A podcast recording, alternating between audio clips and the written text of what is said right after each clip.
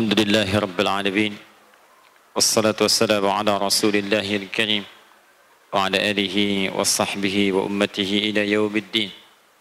أما بعد فيا عباد الله أوصي نفسي وإياكم بتقوى الله فقد فاز المتقون فلا تموتن إلا وأنتم مسلمون. فقال تعالى يا أيها الذين آمنوا اتقوا الله حق تقاته ولا تموتن إلا وأنتم مسلمون.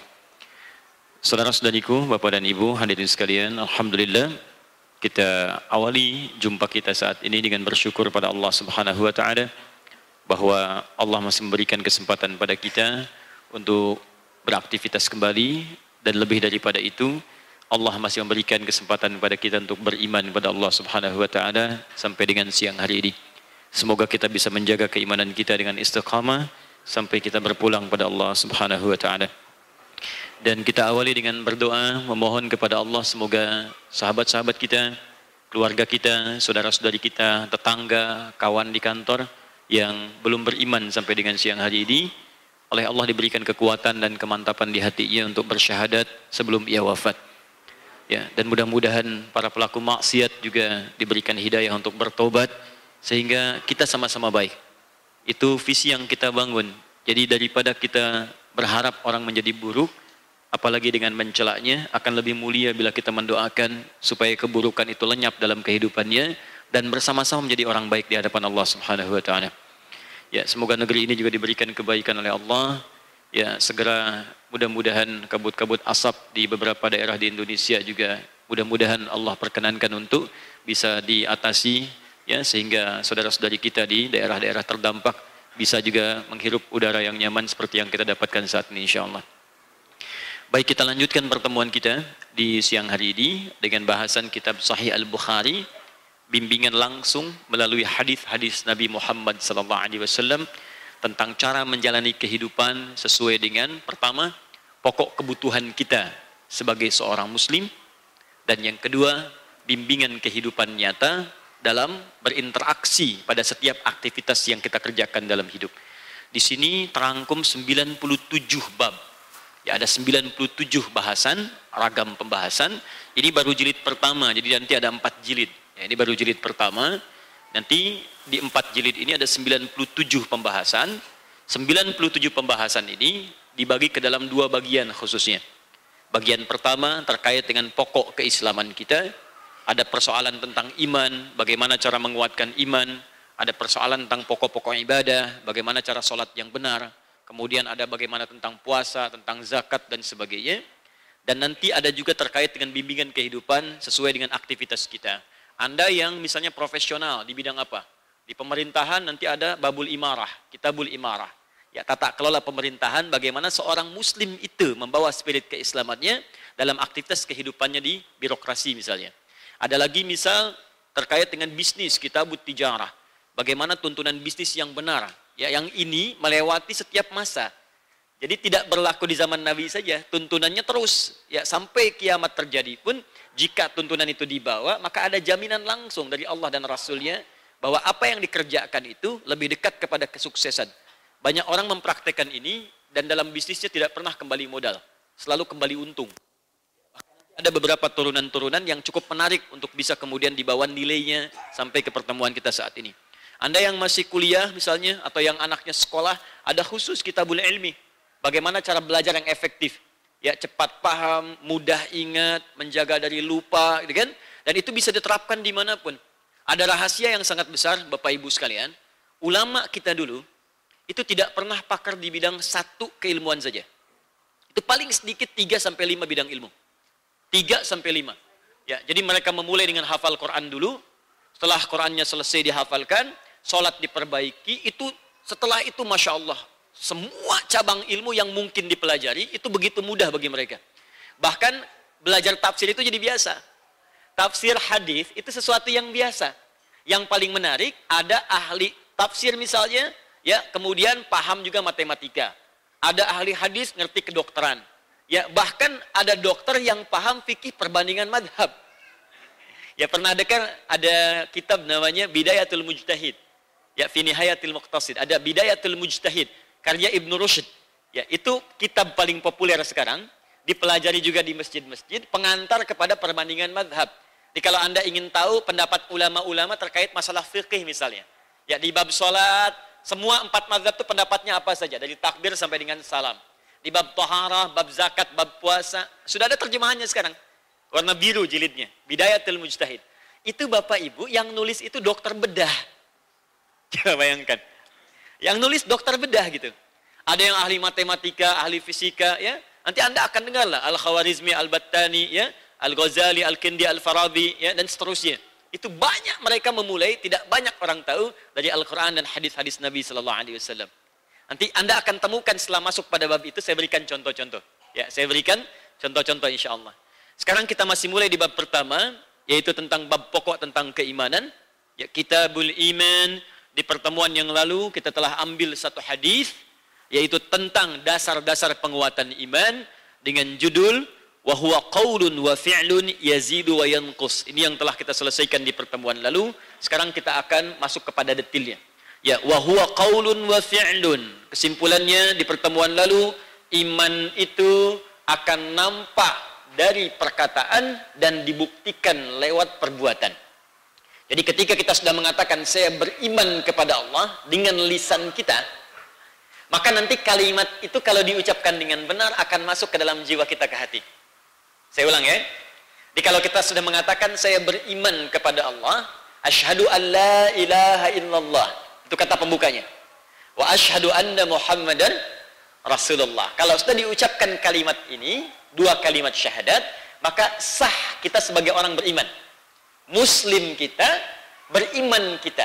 Karena itu orang yang sudah mengucapkan asyhadu an la ilaha illallah wa asyhadu anna muhammadar rasulullah, panggilannya dalam Al-Qur'an berubah dari ya ayyuhan nas, hei manusia, nas 241 kali disebutkan dalam Al-Qur'an, pindah ke kalimat ya ayyuhalladzina amanu.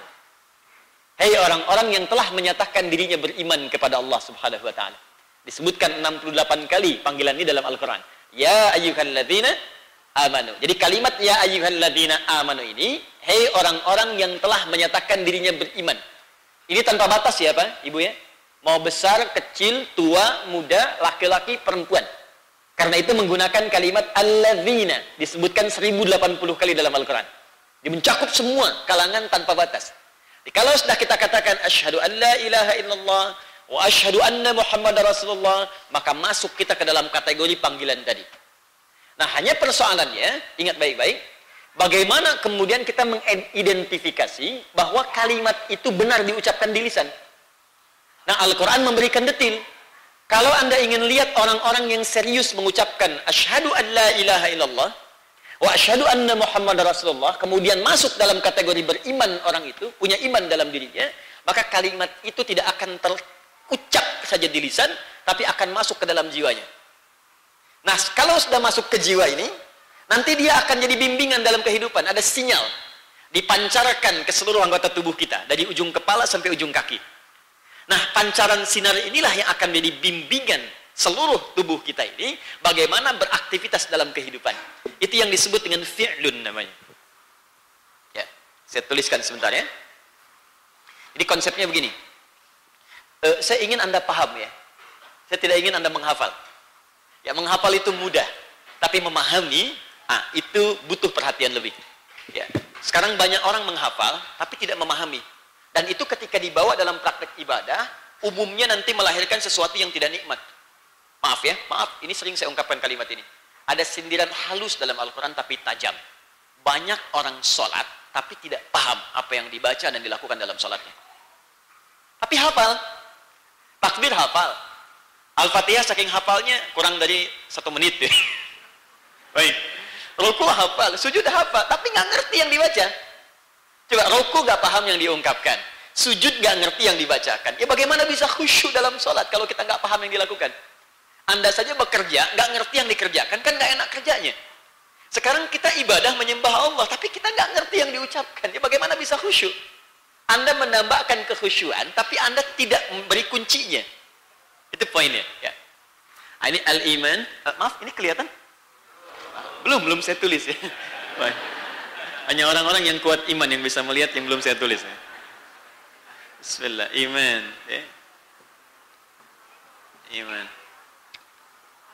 Sudah Bu, sampai situ saja. Tidak perlu ada echo di belakang. Al-iman ini qaulun ini konsep dasarnya. Kemudian kedua fi'lun.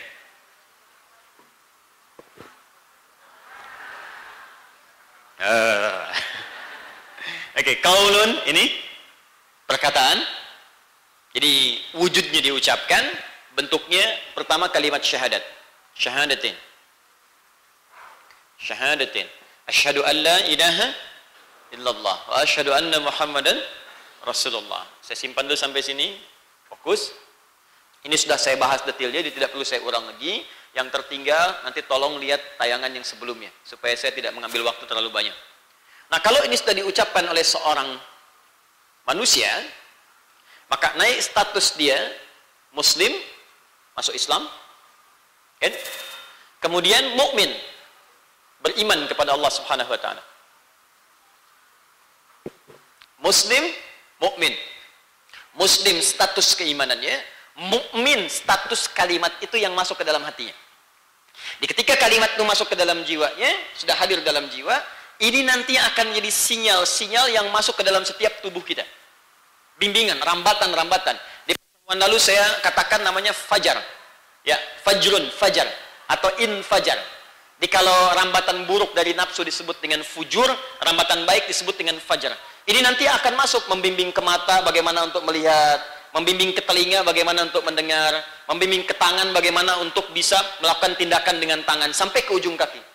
Jadi orang yang sudah beriman itu ketika mengucapkan asyhadu an la ilaha illallah wa asyhadu anna muhammad rasulullah, kalimat ini masuk ke dalam jiwanya, maka iman itulah yang akan membimbing semua aktivitasnya. Nah, aktivitas yang dikerjakan dengan iman itu, itu yang dimaksud di hadis dengan fi'lun. Ya, fi'lun, muassasun minal iman. Pekerjaan, aktivitas, perilaku, sikap, tindakan yang didasari dengan iman. Al-imanu qaulun wa fi'lun. Iman itu mula-mula diucapkan, masuk ke dalam hati, kalau sudah di hati, di setiap jiwa seorang mukmin, muslim, maka dia akan membimbing tindakan setiap pelakunya untuk berbuat dalam kehidupan. Karena itu, semua tubuh kita saat disebutkan fungsinya dalam Al-Quran, itu rata-rata mengucapkan kalimat iman dulu di awalnya. Selalu diawali dengan kata iman. Yuk kita lihat ya, contoh misal. Dari kepala misal mata dan pikiran. Ya, mata Quran surah ke-24 ayat 30 untuk laki-laki, 31 untuk perempuan. Kul lil mu'minina. Imannya dulu. Katakan pada pria-pria yang merasa punya iman. Iman sudah masuk belum ke jiwa kita? Cek. Bagaimana mengeceknya? Iman sudah ada di jiwa kita ya min absarihim. Kata Allah, cek iman itu ada enggak. Kalau ada, maka iman itu dia akan punya sinyal membimbing ke mata kita untuk melihat yang baik-baik saja. Ketika ada pandangan yang dirasakan, objek yang dinilai oleh iman kita tidak baik, maka iman itu akan memerintahkan kepada mata langsung ghaddul basar, ya min absarihim, palingkan dari situ. Demikian pada perempuan ayat 31-nya. Wa kullil mu'minati, katakan pada perempuan yang sudah beriman, imannya masuk dalam jiwanya. Yaghdudna min absarihinna, maka iman itu akan memberikan sinyal kepada mata untuk memalingkan dari objek yang tidak layak dipandang menurut imannya. Apa di antaranya? Misal ada pornografi, porno aksi yang terkait zina, ya. Jelas, la taqrabu zina, jangan dekati zina. Zina mata ada. Apa itu zina mata? Melihat sesuatu yang tidak dibenarkan oleh Allah gambar-gambar yang erotis, pornografi yang jorok, yang macam-macam. Itu kalau ada iman di jawanya, cukup iman saja dalam dirinya, itu pandangan pun gak akan dilihat. Gak perlu nulis disertasi. Mandang aja gak mungkin, mustahil. Memandang aja gak mungkin. Jadi kalau kemudian yang sederhana itu saja kemudian tidak terjadi, maka ini menunjukkan ada masalah dalam imannya. Jelas ya? Nah, jadi kalau Bapak Ibu misalnya lihat handphone, buka WhatsApp, media sosial, ada gambar-gambar yang kurang bagus, coba cek imannya masih ada nggak dalam dirinya? Kalau masih ada, itu pasti itu ada bimbingan sanubari dalam jiwanya, sepersekian detik akan mengatakan pada batinnya, jangan lihat, palingkan. Jelas ya? Nah, kalau masih dilihat, berarti ada masalah. Pandangan pertama kan nggak apa-apa, yang dilarang yang selanjutnya. Nah, kalau masih nawar begitu, itu ada tanyakan di imannya. Ya, masuk ke pikiran misalnya atau turun ke lisan ke pikiran. Quran surah 49 ayat 11 sampai 12. Iman dulu. Ya ayyuhalladzina amanu. Hai orang-orang telah menyatakan dirinya beriman kepada Allah. La yashar qaumin qaum. Lisan kamu tidak akan digunakan pada yang buruk. Mencela yang tidak layak dicela. Gibah la yaghtab ba'dukum ba'dha. Jangan bergosip. Wailul lil. Jangan berdusta. Jadi kalau ada orang benar-benar beriman, itu ketika dia terpancing untuk berdusta, ada yang memprovokasi untuk berdusta, itu imannya akan hadir di lisannya dan menghambat lisannya untuk mengeluarkan kalimat dusta itu. Dia akan tahan. Nah, kalau masih ada rasa itu, berarti iman masih ada dalam diri kita. Nah, kalau kemudian mudah sekali untuk berdusta mudah, lihat maksiat mudah, kaki melangkah pada yang buruk mudah, ini menandakan ada persoalan serius dalam imannya. Tinggal dilihat saja tingkat penyakitnya seperti apa. Yang paling bahaya kalau iman itu sudah luntur dalam kehidupannya. Nah, sekarang persoalan selanjutnya, Ustaz, Nabi sendiri mengatakan kadang level keimanan seseorang itu bisa naik turun. Naik turun, naik turun. Yazidu wa yantakis. Kadang kalau sedang kuat-kuatnya, Masya Allah. Jangankan mendengar. Baru sekedar ada info mau datang, dia sudah tolak. Jangankan melangkah ke tempatnya. Baru mendengar kalimat tempat maksiat itu dia sudah benci. Ini menunjukkan levelnya tinggi. Ya, kadang-kadang tinggi, kadang-kadang turun. Kadang-kadang tinggi, kadang-kadang turun. Yang sangat tinggi baru melihat sesuatu sekilas akan ada maksiat dia langsung palingkan. Saking tingginya istighfar. Padahal berpaling itu sudah benar, tapi takut masih ada salah. Makanya kata Quran, orang ini seketika langsung beristighfar. Quran surah 3 ayat 133. Wasari'u ila maghfirah. Ingat, beda antara kalimat sara'a wasari'u dengan sa'a fas'au Coba buka Quran surah ketiga, ayat 133. Saya agak pelan-pelan sedikit. Bandingkan dengan Quran surah ke 62 ya, ayat yang ke 9 ya paling kiri sebelah atas. Di Quran surah ke Ali Imran ayat 133 dengan surah Al-Jumu'ah ayat 9. Ya, surah Quran surah 3 Ali Imran paling kanan sebelah atas. Ya ayat 133 ada wasari'u ila maghfirah. Dan bersegeralah anda untuk banyak beristighfar introspeksi mohon ampun kepada Allah. Sekarang bandingkan dengan Quran surah ke-62 Al-Jumu'ah. Surah Al-Jumu'ah ayat 9 paling kiri sebelah atas. Ada?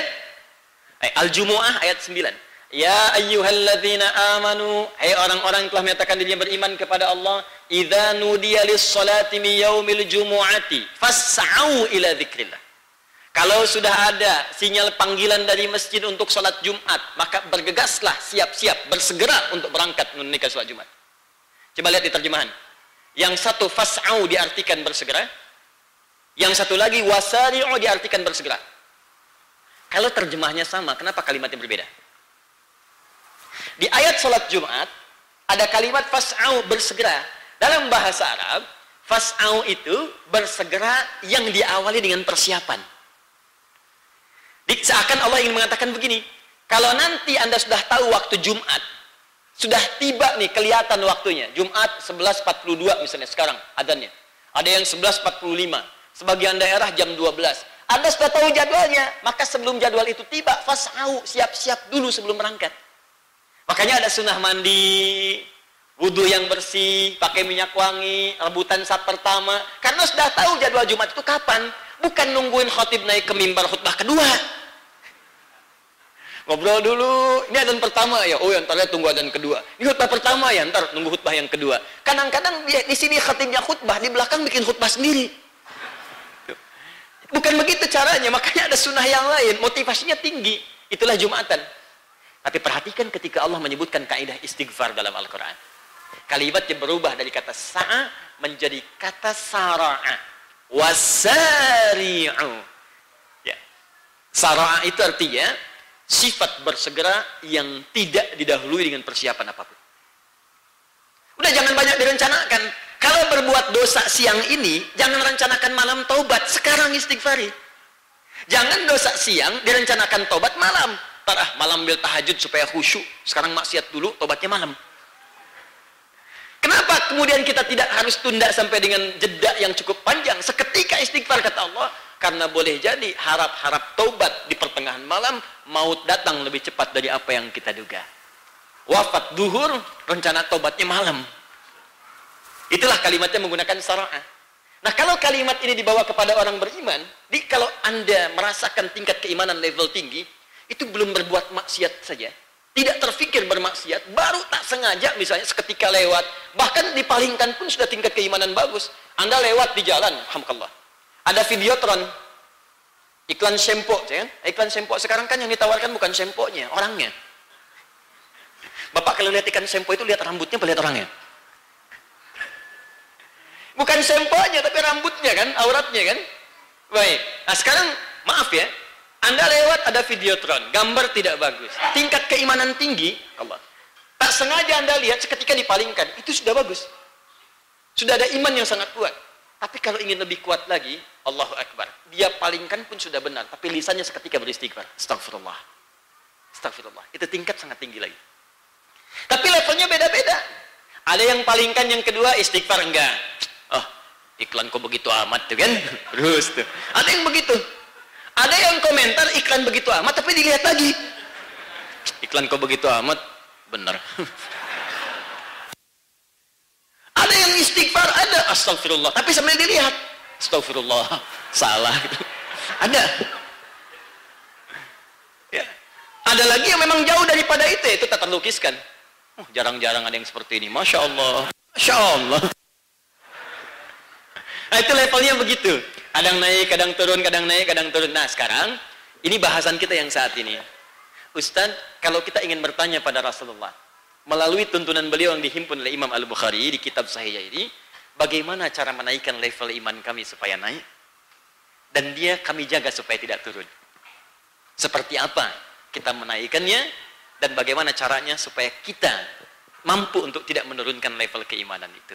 Ini materi yang akan kita bahas dalam pertemuan saat ini di kesimpulan yang lalu. Yang ini konsepnya akan terkait berkelindan. Karena itu pahami pertemuan-pertemuan di awal karena akan terkait berkelindan dengan yang selanjutnya pada bahasan-bahasan hadis yang kita kaji. Ada 57 hadis yang kita bahas. Sekarang kita akan masuk pada bagian yang kedua ya dalam pembahasan Kitabul Iman, pembahasan tentang iman. Yuk kita mulai bahasan kita. Barusan mau mukaddimah ya.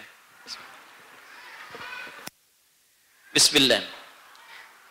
Bab du'aukum imanukum.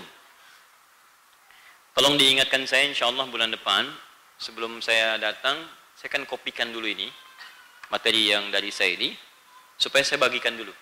Nanti sebelum datang, saya utus staf saya ke sini untuk membagikan, saya kopi, eh, insya Allah diprediksikan sejumlah mungkin yang hadir beberapa di sini, saya berharap masing-masing punya ini. Jadi begitu saya terangkan, Anda bisa pegang ini. ya dan insya Allah saya kopikan dari aslinya langsung, pakai bahasa Arab yang gak ada terjemahan. Ya. ya Nabi nggak bisa bahasa Indonesia, gitu kan? Terus Abu Hurairah nggak bisa bahasa Indonesia, Al Bukhari nggak bisa bahasa Indonesia, kan? Jadi nggak apa-apa, asli original. Jadi kalau ada yang tanya, asli nih original, belajar. Baik. Gak apa-apa, nanti sambil belajar. Maksud saya kalau saya bacakan, Anda lihat di sini, terus sambil belajar bahasa Arab ya belajar, kasih catatan ya. Terus kalau Anda nanti ketemu teman, belajar apa tadi? Nih, asli, original. Anda terangkan, oh udah bisa bahasa Arab sekarang. Alhamdulillah, dengan izin Allah. Kaifahaluk? Ya, biasa aja. Bismillahirrahmanirrahim. Bagian pertama, bagaimana cara menaikkan iman kita dan menjaganya supaya tidak turun. Apa amalan-amalan yang harus dikerjakan? Pertama, bab du'aukum imanukum doa Anda itu adalah dasar keimanan atau dasar yang menguatkan iman kita kepada Allah Subhanahu wa taala. Bab bagian ini akan berisi tentang pembahasan doa hukum, doa yang kita panjatkan, doa yang kita lakukan kepada Allah itu imanukum merupakan dasar penguatan iman kita kepada Allah Subhanahu wa taala. Di amalan yang pertama, kalau kita balik pengertiannya dari kalimat yang paling ujung, kalau kita ingin menguatkan iman kita kepada Allah, maka mulai itu semua dengan amalan yang pertama, yaitu memperbanyak doa kepada Allah subhanahu wa ta'ala.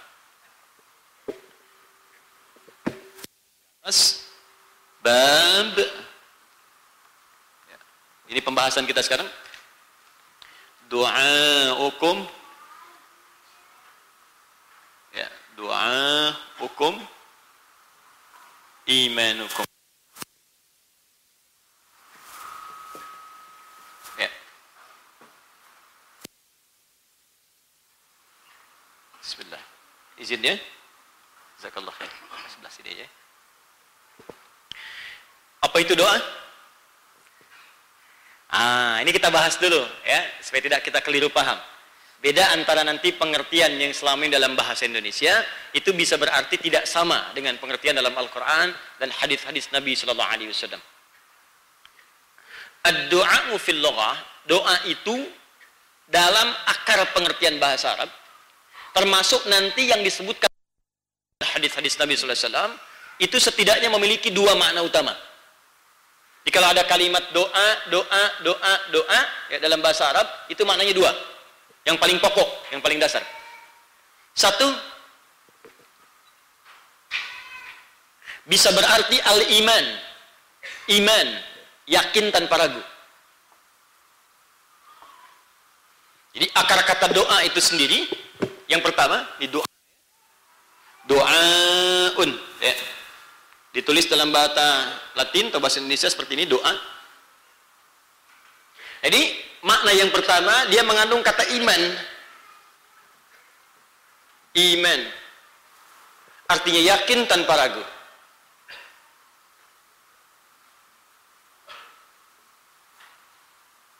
Tahan, fokus pelan-pelan. Masih ingat saat saya terangkan kata iman di pertemuan kita yang awal? Kata iman, akar katanya berasal dari kata aman. Aman berarti tenang, tentram, nyaman, jauh dari kegelisahan.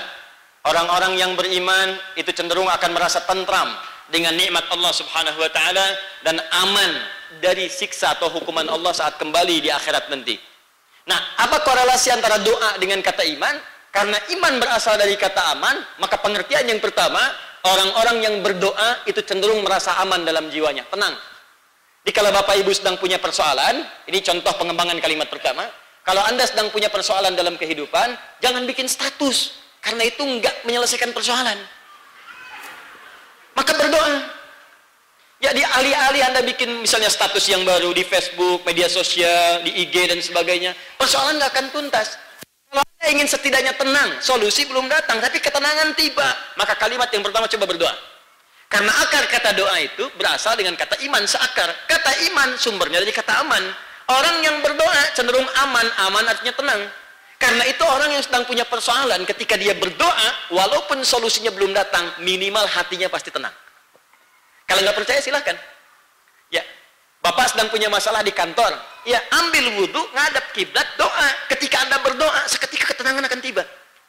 Walaupun solusi belum datang saat itu, tapi tenang itu muncul.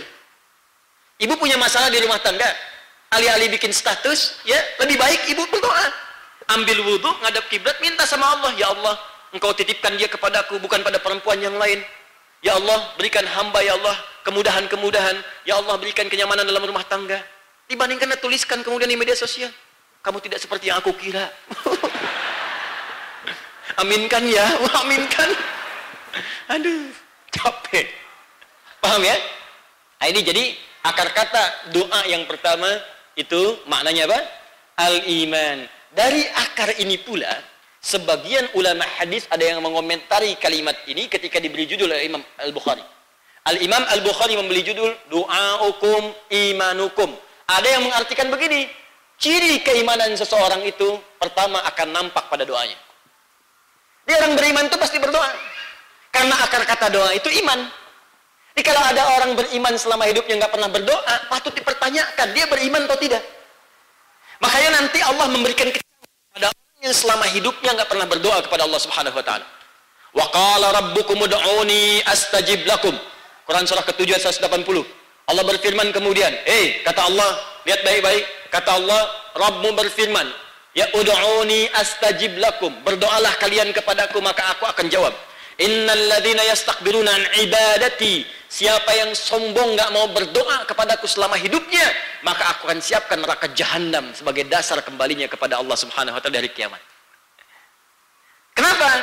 Karena poin yang pertama, doa itu akarnya iman. Jadi kalau orang nggak pernah berdoa selama hidupnya, seakan-akan dia tidak beriman kepada Allah Subhanahu Wa Taala. Kayak nggak butuh dengan Allah. Paham ya? Dan ini bagian yang pertama. Yang kedua, pelan-pelan. Nanti saya turunkan dari sini kaitan dengan pembahasan kita. Yang kedua, doa itu bisa diartikan dengan ibadah. Ibadah.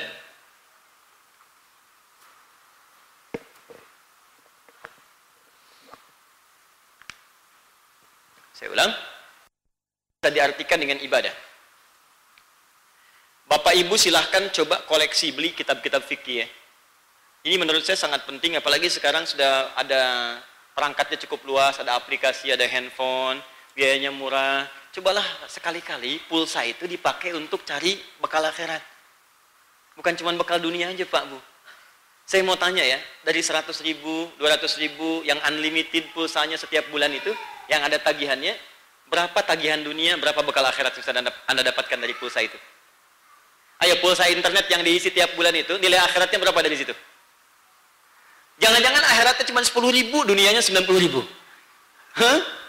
Cuman telepon sana sini, ngecek berita, ini itu dan sebagainya. Berapa yang sudah Anda gunakan untuk mendownload kitab hadis yang ada terjemahan bahasa Indonesia-nya?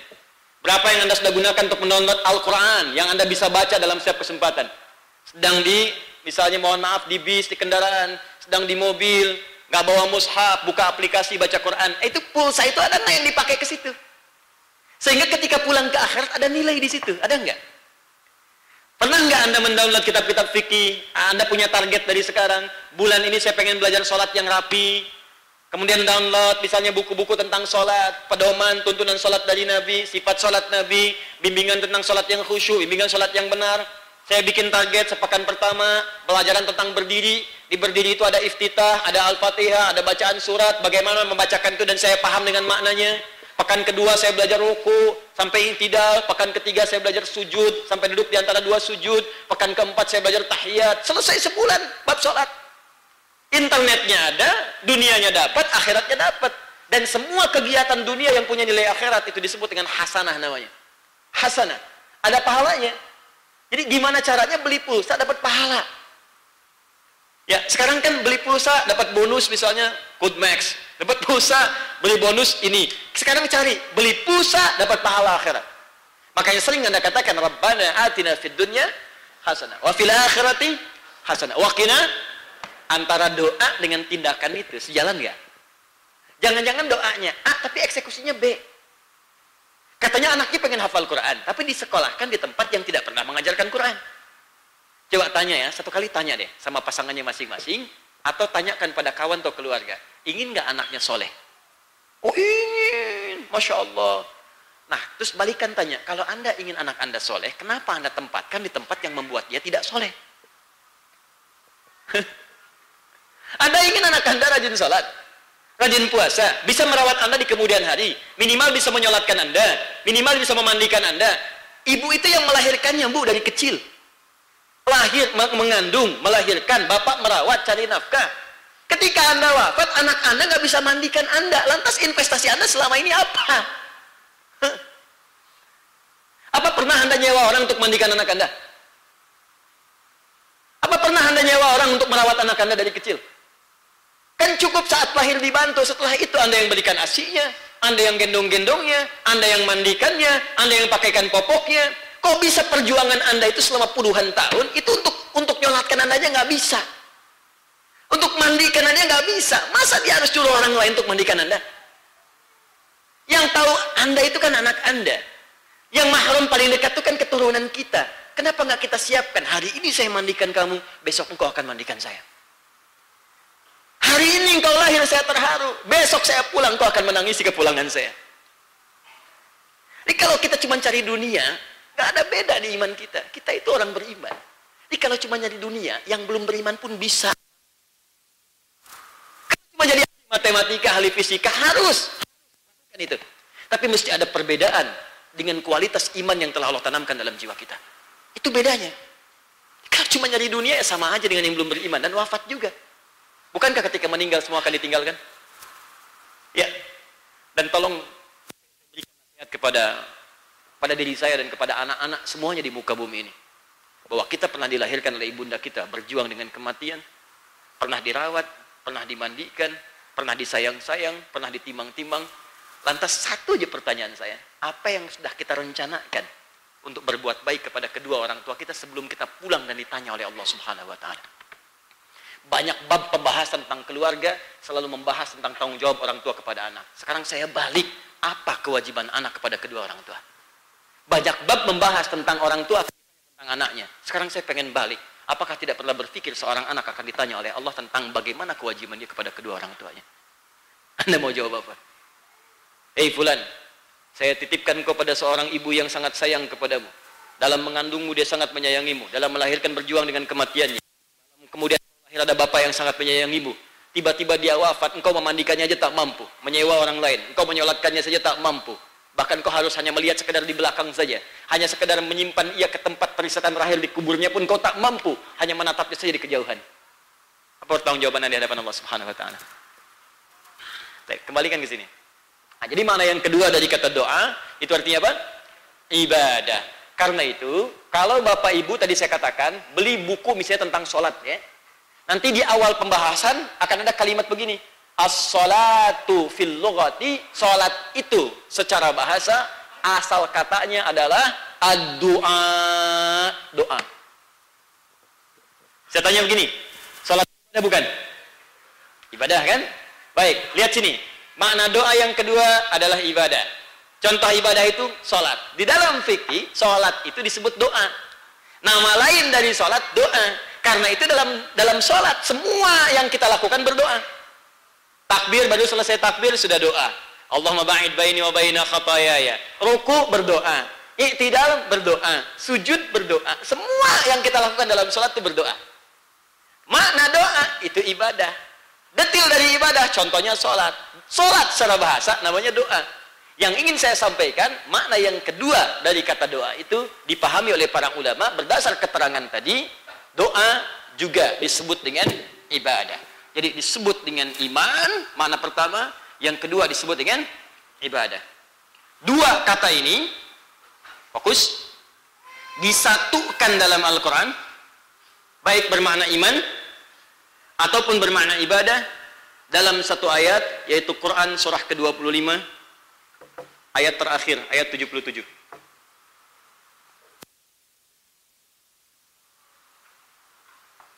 Saya belum ke praktek ya, saya baru bicara dasar dulu.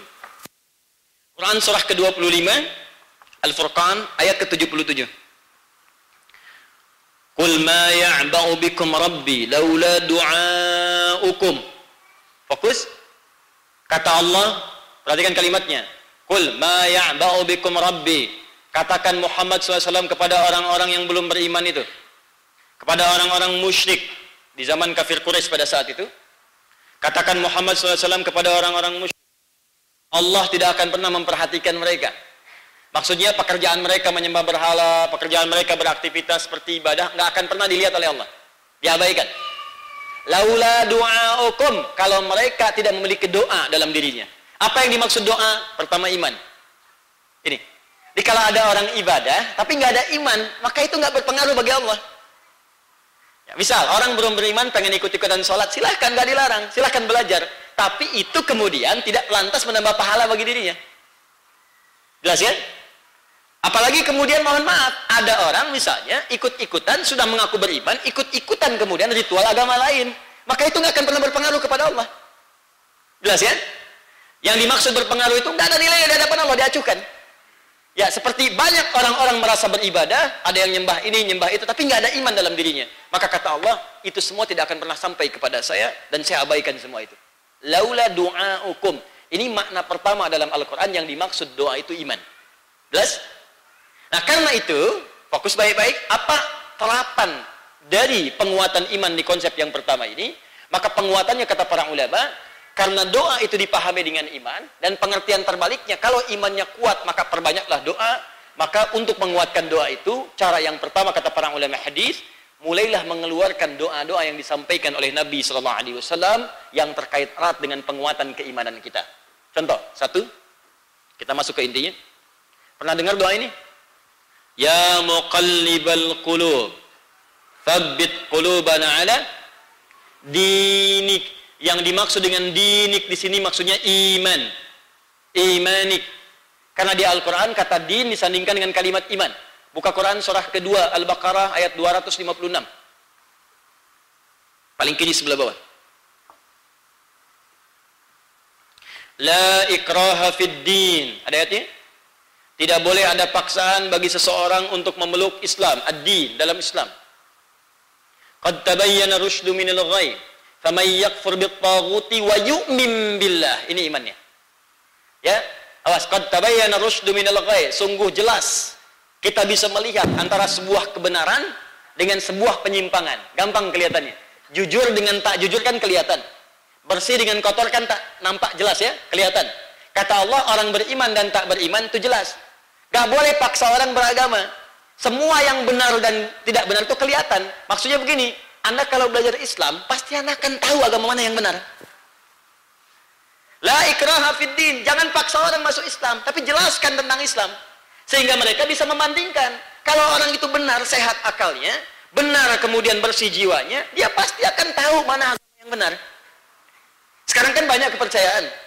Ya, sekarang banyak keyakinan-keyakinan. Kata Allah coba terangkan pada dia tentang Islam. Esensi Islam itu bagaimana, tentang ibadah bagaimana, konsep ketuhanannya seperti apa. Kalau kemudian akalnya masih sehat, dia masih cerdas, pasti dia akan bedakan mana yang benar, mana yang salah.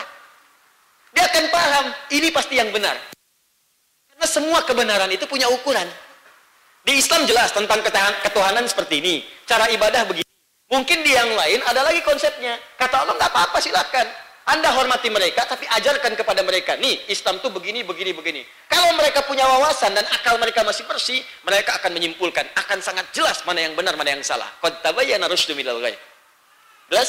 Tapi yang paling menarik, kalau wawasan itu sudah disampaikan, kemudian bersih jiwanya, maka mereka akan mudah menerima agama. Nggak usah paksa. Bawa senjata, bawa bom, bawa macam-macam, seorang masuk Islam, itu haram hukumnya. Gak boleh.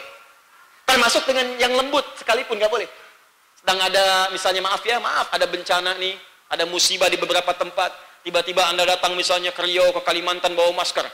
Ya, tapi harus ada syarat. Kalau mau, mau, mau pengen masker masuk Islam dulu. Ya, maskernya tulisannya syahadat, misalnya kan. Nah, harus dipakai bagi yang bersyahadat. Enggak boleh. Haram hukumnya. Enggak boleh paksa orang baik dengan cara yang lembut apalagi kasar. Datang ke tempat musibah bawa Indomie, misalnya kan. Syahadat tidak senilai dengan Indomie, awas bawa sarung nggak boleh. Di kita nggak ada yang seperti itu. Kita punya aturan yang jelas di Quran. Jangan paksa orang. Tapi yang indah terangkanlah dakwahi. Jelaskan tentang Islam. Kan penjelasan itu kan sifatnya indah. Ya nggak ada paksa dan elegan sifatnya. Diterima alhamdulillah. Tidak kita doakan Nah setelah dia bisa menerima itu, kalau masih bersih kemudian akalnya, dia bisa bedakan mana konsep yang benar, mana yang salah. Masuk Islam dia. Ketika masuk Islam itu masuk dalam ad-din disebut oleh Allah. فَمَنْ يَكْفُرْ بِالطَّغُوتِ وَيُؤْمِنْ بِاللَّهِ Dia beriman kepada Allah. Dikata din, din di ayat ini disandingkan dengan kalimat iman. Yang dimaksud dengan ad-din itu iman. Makanya ketika Anda membaca doa ini, ya ya muqallibal qulub. Hai Allah, duhai Allah yang membolak-balikan hati yang maha mengetahui maksudnya suasana hati. Maksud membolak-balik di sini mengetahui keadaan hati kita. Ya Allah, hati saya ini kadang naik turun ya Allah. Kadang gelisah, kadang tenang, kadang ibadah semangat, kadang-kadang tidak, kadang kuat, kadang malas. Ya Allah, sabit kulubana ala dinik. Ya Allah, mohon ya Allah, saya minta kepadamu kuatkan keadaan iman di hati saya ini, kuatkan jiwa saya ini ala dinik dalam keimanan kepadamu. Yang dimaksud din di sini adalah iman dari ayat tadi. Makanya boleh kita berdoa dengan kalimat tafsirnya, dengan kalimat imannya. Jadi bentuknya begini, ya muqallibal qulub tabbit qulubana 'alal iman. Nah, ini kalimat hadis itu bisa dibaca dengan dua makna. Satu, hakiki, lafadznya langsung. Yang kedua, maknawi, makna di balik lafadz itu. Ya, pernah dengar kalimat ini? Idza mata ibnu Adam, in qata'a sayru amali. Jika seorang anak cucu Adam wafat, maka terputus semua amalnya. Pernah dengar kalimat ini? Ah, itu Ibnu Adam di sini, itu bukan bahasa hadis, tapi bahasa tafsir hadis. Sama persis dengan yang tadi. Lafaz jadi hadis Muslim, kalimatnya begini, "Idza matal abdu au idza matal insan." Enggak ada kalimat Ibnu Adam. Yang ada idza matal abdu au idza matal insan. Disebutkan sembilan lafaz di hadis Muslim. Nah, makna dari abdu insan ini kata para ulama, wa yu'na bil abdi wa yu'na bil insani ay ibnu Adam yang dimaksud dengan manusia di sini, hamba di sini maksudnya semua anak cucu Adam. Maka ada orang kemudian mengungkapkan dengan bahasa tafsir, "Idza mata ibnu Adam jika wafat anak cucu Adam ini, maka terputus semua amalnya kecuali tiga." Jelas? Sama persis dengan doa tadi, kalau Anda ingin umum sifat yang Anda ucapkan dengan lafadznya, "Ya muqallibal qulub, ya Allah yang Maha mengetahui keadaan hati saya, yang iman saya kadang naik turun, sabbit qulubana ala dinik." Mohon ya Allah, jadikan diri saya konsisten, komit kepada ketentuan agamamu. Apa yang dimaksud ketentuan agama di sini? Iman. Kalau spesifik Anda ingin minta langsung kepada penguatan iman, maka sebutkan dengan maknanya. Habib qulubana alal iman. Jelas? Baik. Saya ulangi kesimpulan yang pertama. Hadis ini mengajarkan kalau seseorang ingin dikuatkan imannya oleh Allah, maka langkah pertama yang harus ia lakukan adalah mulai dengan berdoa kepada Allah. Ada pertama. Saya ulang, Langkah yang pertama, mulai dengan berdoa kepada Allah Subhanahu wa taala. Ini adab Bu ya, Pak di semua aktivitas. Karena itu semua pekerjaan kita semua ada doanya. Mau tidur ada doanya. Bangun tidur ada doanya. Makan ada doanya. Minum ada doanya. Berpakaian ada doanya. Bahkan ingin dikuatkan iman pun ada doanya. Maka kalau Anda memang benar-benar pengen dikuatkan iman oleh Allah, bukan sekedar di lisan ya, kalau cuma pengen, ingin, semua ingin. Tapi nggak semua yang ingin itu serius. Dan tidak semua yang serius itu punya niat. Ini saya tanya ya, maaf ya. Bapak Ibu ingin nggak imannya kuat? Boleh angkat tangan yang ingin imannya kuat. Baik, sekarang turunkan lagi. Nah, yang tadi angkat tangan ini, sekarang coba saya minta komitmen dengan apa yang dicontohkan oleh Nabi ini. Kata Nabi ada dua cara kalau iman Anda ingin kuat. Sekarang kita akan lihat apakah keinginan itu akan dinaikkan levelnya menjadi keseriusan dan niat atau hanya sebatas keinginan saja. Kalau cuma keinginan, semua orang ingin. Tanyakan pada preman-preman, mau nggak imannya kuat? Mau. Tanyakan pada orang yang pernah berbuat salah gitu kan? Bisa tanyakan pada dia. Tanyakan pada orang-orang yang berbuat maksiat. Yang dia mengatakan dia beriman, dia muslim. Hei, pengen nggak imannya kuat? Pengen. Semua pengen, tapi tidak semua yang pengen itu serius untuk mewujudkan keinginannya. Maka yang pertama, banyak berdoa. Ya, jadi mulai dari bangun tidur, setelah doa baca tidur dibacakan. Bacakan tadi. Allahumma ya muqallibal qulub tsabbit qulubana 'ala iman. Allahumma ya muqallibal qulub tsabbit qulubana 'ala dinik. Ini saya ajarkan wawasan nih. Awas hati-hati kalau kalau belum belajar ilmu hadis, jangan komentar hadis. Anda baru belajar lafaz hadisnya, belum belajar ilmunya, maka jangan memberikan hukum. Ya kalau ilmu hadis itu beda dengan hadis. Kalau hadis itu kalimat-kalimat yang sampai dari nabinya. Untuk memahami itu perlu ilmu disebut ilmu hadis. Kalau sudah paham ilmu hadis baru bisa bicara tentang hadis. Kalau kaitan dengan fikih ada hukumnya, harus belajar dasar fikih supaya paham maksud kalimat Nabi ini ke mana. Dasar fikih umumnya dibagi tiga. Nanti ada kawaid fikih, kaidah-kaidah fikih, dasarnya disebut dengan usul fikih, nanti produk hukumnya disebut dengan hukum fikih. Untuk bicara ke fikih perlu ada tiga tinjauan tadi. Kenapa penting saya sampaikan ini? Ada orang yang berkata begini, "Eh, doa yang benar itu ya muqallibal qulub tsabbit qulubana ala dinik." Ketika ada orang berkata, "Ya muqallibal qulub tsabbit qulubana ala iman," bid'ah. Itu salah. Yang benar dari Nabi ini bukan Allahu Akbar. Ini bukan salah Anda yang belum paham. Memang benar kalimat yang dimak yang dari Nabi itu ya muqallibal qulub tsabbit qulubana ala dinik. Yang dimaksud din di sini al-iman, Makanya di kaidah ilmu mustalah hadis boleh berdoa dengan makna, boleh berdoa dengan lafad. Kalau dimaksud dengan lafad maksudnya keiman. Kalau pengen spesifik keimannya sebutkan kalimat imannya, nggak ada masalah di sini. Jelas ya? Nah, jadi kalau Anda ingin spesifik langsung keimannya, sebutkan kalimat apa? Iman. Kalau Anda ingin kalimat umumnya dalam dinnya maka sebutkan kalimat dinnya. Jelas sampai sini? Dua. Maaf sebelum yang kedua, maaf Saking pentingnya doa ini, saking pentingnya doa ini, maka para ulama mengomentari bahkan akar kata doa pun itu adalah al-iman. Ya, saking pentingnya kalimat doa ini. Jadi yang dimaksud dengan doa adalah iman. Yang dimaksud dengan iman adalah doa. Jadi kalau kita banyak berdoa untuk menguatkan iman kita, maka secara otomatis iman kita pun akan dinaikkan oleh Allah Subhanahu wa taala. Sudah sampai sini? Baik, ini bagian yang pertama. Dua, Tadi apa yang dimaksud dengan doa? Mana yang kedua? Ibadah. Masih ingat? Ibadah. Maka orang-orang yang ingin dikuatkan imannya oleh Allah, Berkomentar para ulama hadis dalam bab ini, jika Anda ingin dikuatkan imannya oleh Allah Subhanahu wa taala, maka mulailah dengan merencanakan untuk meningkatkan kuantitas dan kualitas ibadah kita kepada Allah Subhanahu wa taala. Karena itu dalam Al-Qur'an sering kali kalimat ibadah dibuka dengan kata iman. Di sebelum kata ibadah, iman dulu. Yuk kita mulai ya. Ibadah yang kita kerjakan tiap hari, lima kali dalam sehari, 17 rakaat. Apa namanya? Salat. Kalimat salat pertama dibuka dengan kalimat iman. Al-Baqarah ayat 3. Itu kalimat salat pertama. Alladzina yu'minuna bil ghaib. Iman. Alladzina yu'minun. Iman dulu. Alladzina yu'minuna bil ghaib. Setelah itu wa yuqimunas salat. Awas ya, perhatikan baik-baik.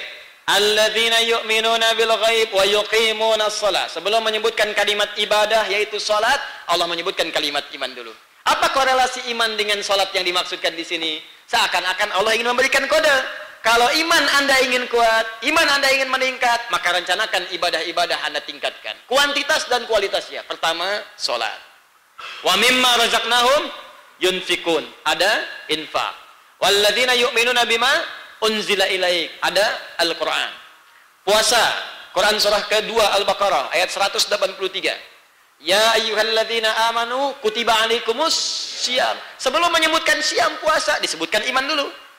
Jadi kalau membaca lewat hadis ini menafsirkan Al-Qur'an dengan hadis, kalau iman Anda ingin kuat, maka tunaikanlah ibadah-ibadah untuk menguatkan iman itu.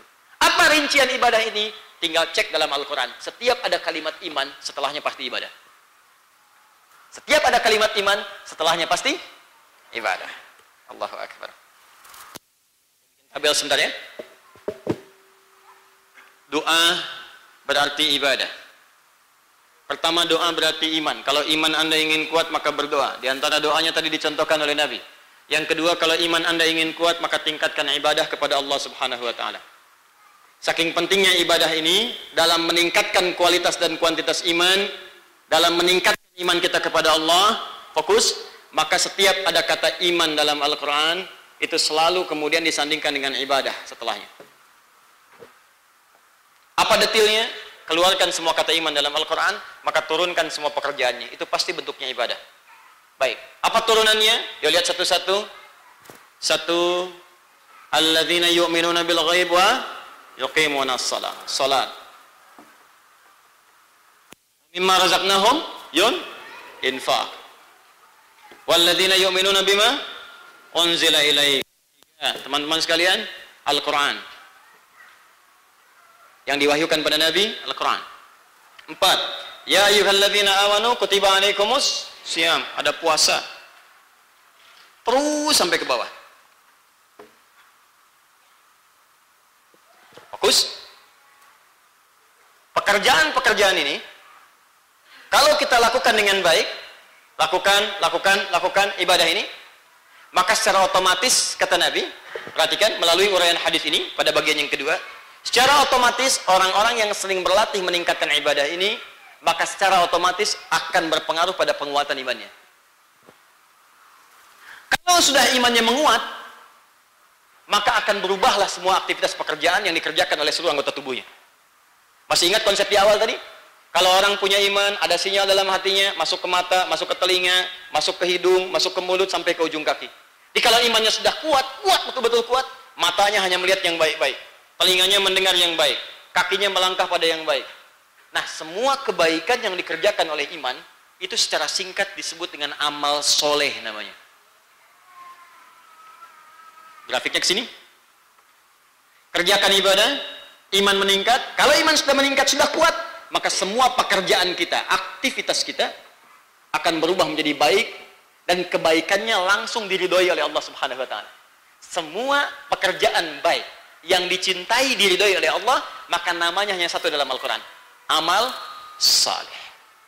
Saleh.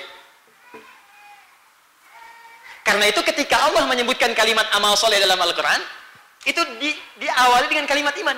Disandingkan. Buka Quran surah 103. Surah Al-Asr. Wal asr. Innal insana lafi illa alladhina amanu wa amilus solihat. Bagaimana bisa amilus solihat? Amanu. Jadi kalau iman kitanya kuat, otomatis kemudian seluruh tubuh kita ini, perangkat hidup kita akan beramal soleh. Ya, iman kita kuat, tangan beramal soleh, rajin memberi, gitu kan? Kaki beramal soleh, melangkah pada tempat-tempat yang baik. Lisan beramal soleh, berkata-kata yang mulia. Mata beramal soleh, melihat pada yang baik-baik. Nah sekarang, untuk menjadi seperti itu bagaimana? Supaya mata soleh, telinga soleh, lisan soleh, kaki soleh. Bagaimana caranya? Maka latihan yang kedua, setelah kita berdoa tadi, maka berlatihlah memperbanyak menunaikan ibadah kepada Allah Subhanahu wa taala. Makanya banyak hasil ibadah ini yang akan berdampak pada kesolehan kita. Contoh, tadi ibadah yang pertama apa? Salat kan? Apa tujuan salat? Ya. Tujuan salat itu selesai, membuat kita soleh. Jadi orang soleh, semuanya baik. Sumber kebaikan itu, awas, jika terbebas dari dua hal. Kalau dua hal ini hilang, hilang dari tubuh kita, maka selesai. Yang tersisa cuma soleh saja. Dua ini, satu fahsya, dua mungkar. Satu fahsya, dua mungkar. Anda diminta mengerjakan sholat, ibadah tadi, untuk menguatkan iman. Nah sekarang apa manfaat sholat itu? Buka Quran surah ke-29 ayat ke-45. Utslu ma uhya ilaika minal kitab wa aqimis sholat. Kata Allah sebelum anda ini belajar sholat, belajar dulu, pahami bacaan sholat, pahami gerakan-gerakannya, lalu tunaikan sholat. Kenapa saya perintahkan kamu sholat? Teruskan ayatnya. Inna sholata tanha anil fahsya. Sungguh, sholat itu kalau benar ditunaikan, belajarnya benar, bacaannya benar, pekerjaannya benar, kata Allah akan menghilangkan dua sumber keburukan dalam dirimu. Satu fahsya, dua mungkar. Lihat korelasinya. Perhatikan dari apa yang saya buat tadi. Ibadah, iman meningkat. Iman meningkat, amal soleh muncul. Bagaimana pembuktian korelasi antara ibadah dengan amal soleh? Tujuan dari ibadah. Orang yang sholatnya benar, terbebas dari perbuatan keji dan mungkar. Fahsya itu, maaf ya, keburukan yang bersumber dari nafsu, syahwat. Pornografi, porno aksi, LGBT, yang jorok-jorok, kotor-kotor itu fahsya. Makanya orang fahsya, sholat itu pasti bermasalah. Pasti itu. Ya, jangankan sholat sendirian. Ya, jadi bahkan jadi imam pun itu nggak bisa. Ya, nggak boleh misalnya dalam kondisi yang normal ada orang terkena perbuatan fahsya, homo jadi jadi imam itu nggak bisa. Ya, karena akan berpengaruh bukan hanya pada dirinya, pada jamaah akan berdampak. Ya, orang biasa takbir biasa, Allahu Akbar, dia Allahu Akbar.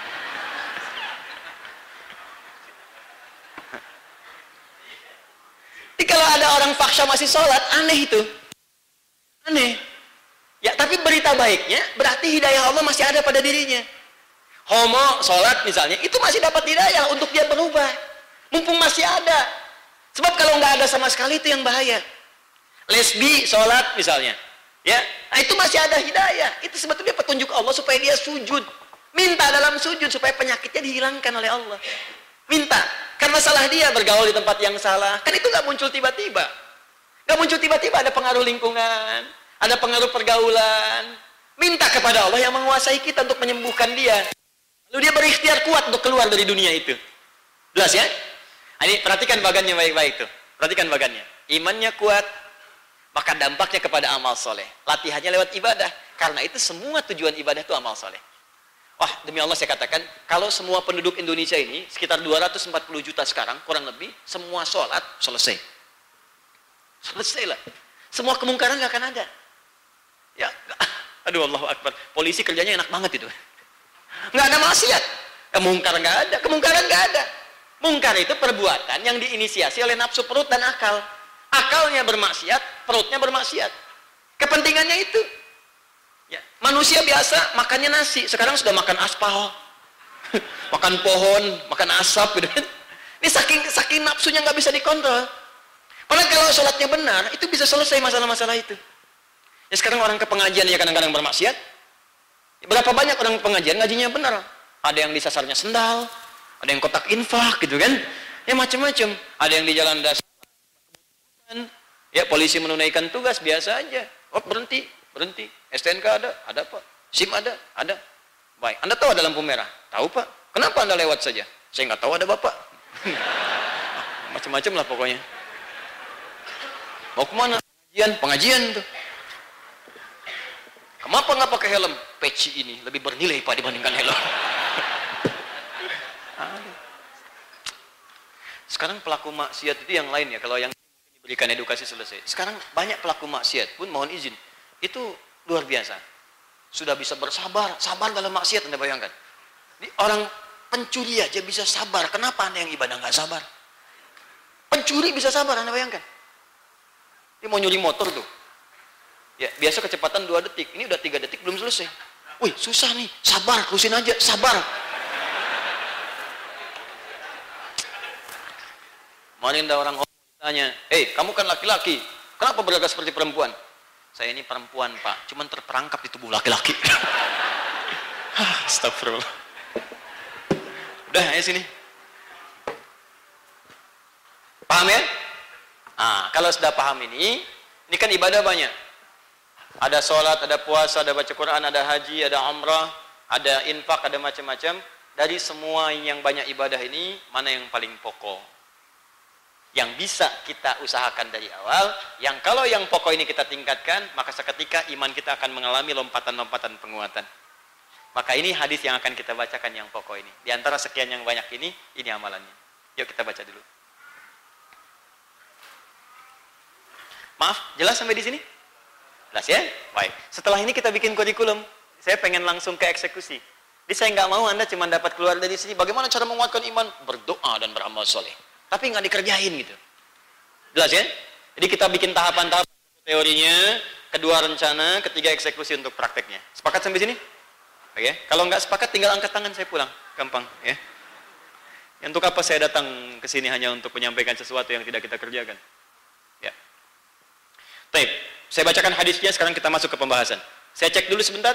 Di kalau iman kita ingin kuat, yang pertama yang kita lakukan apa? Berdoa. Di antara doanya sudah tadi saya sampaikan ya. Ya muqallibal qulub, tsabbit qulubana ala ala dinik atau ala ala iman. Jelas sampai sini? Baik, yang menggunakan ala dinik menggunakan lafaz lafadznya bil lafzi, yang menggunakan iman menggunakan maknanya. Dan dalam kaidah ilmu hadis boleh hadis diungkapkan dengan makna, itu sah. Sepanjang bukan dalam ibadah yang sifatnya formal, seperti salat. Jelas ya? Seperti salat. Kalau salat harus dengan lafadznya. Salat harus dengan lafadznya. Azan harus dengan lafadznya, nggak boleh dengan maknanya. Kalau makna artinya boleh bahasa Indonesia. Ya, boleh bahasa lain. Azan nggak bisa, harus bahasa Arab.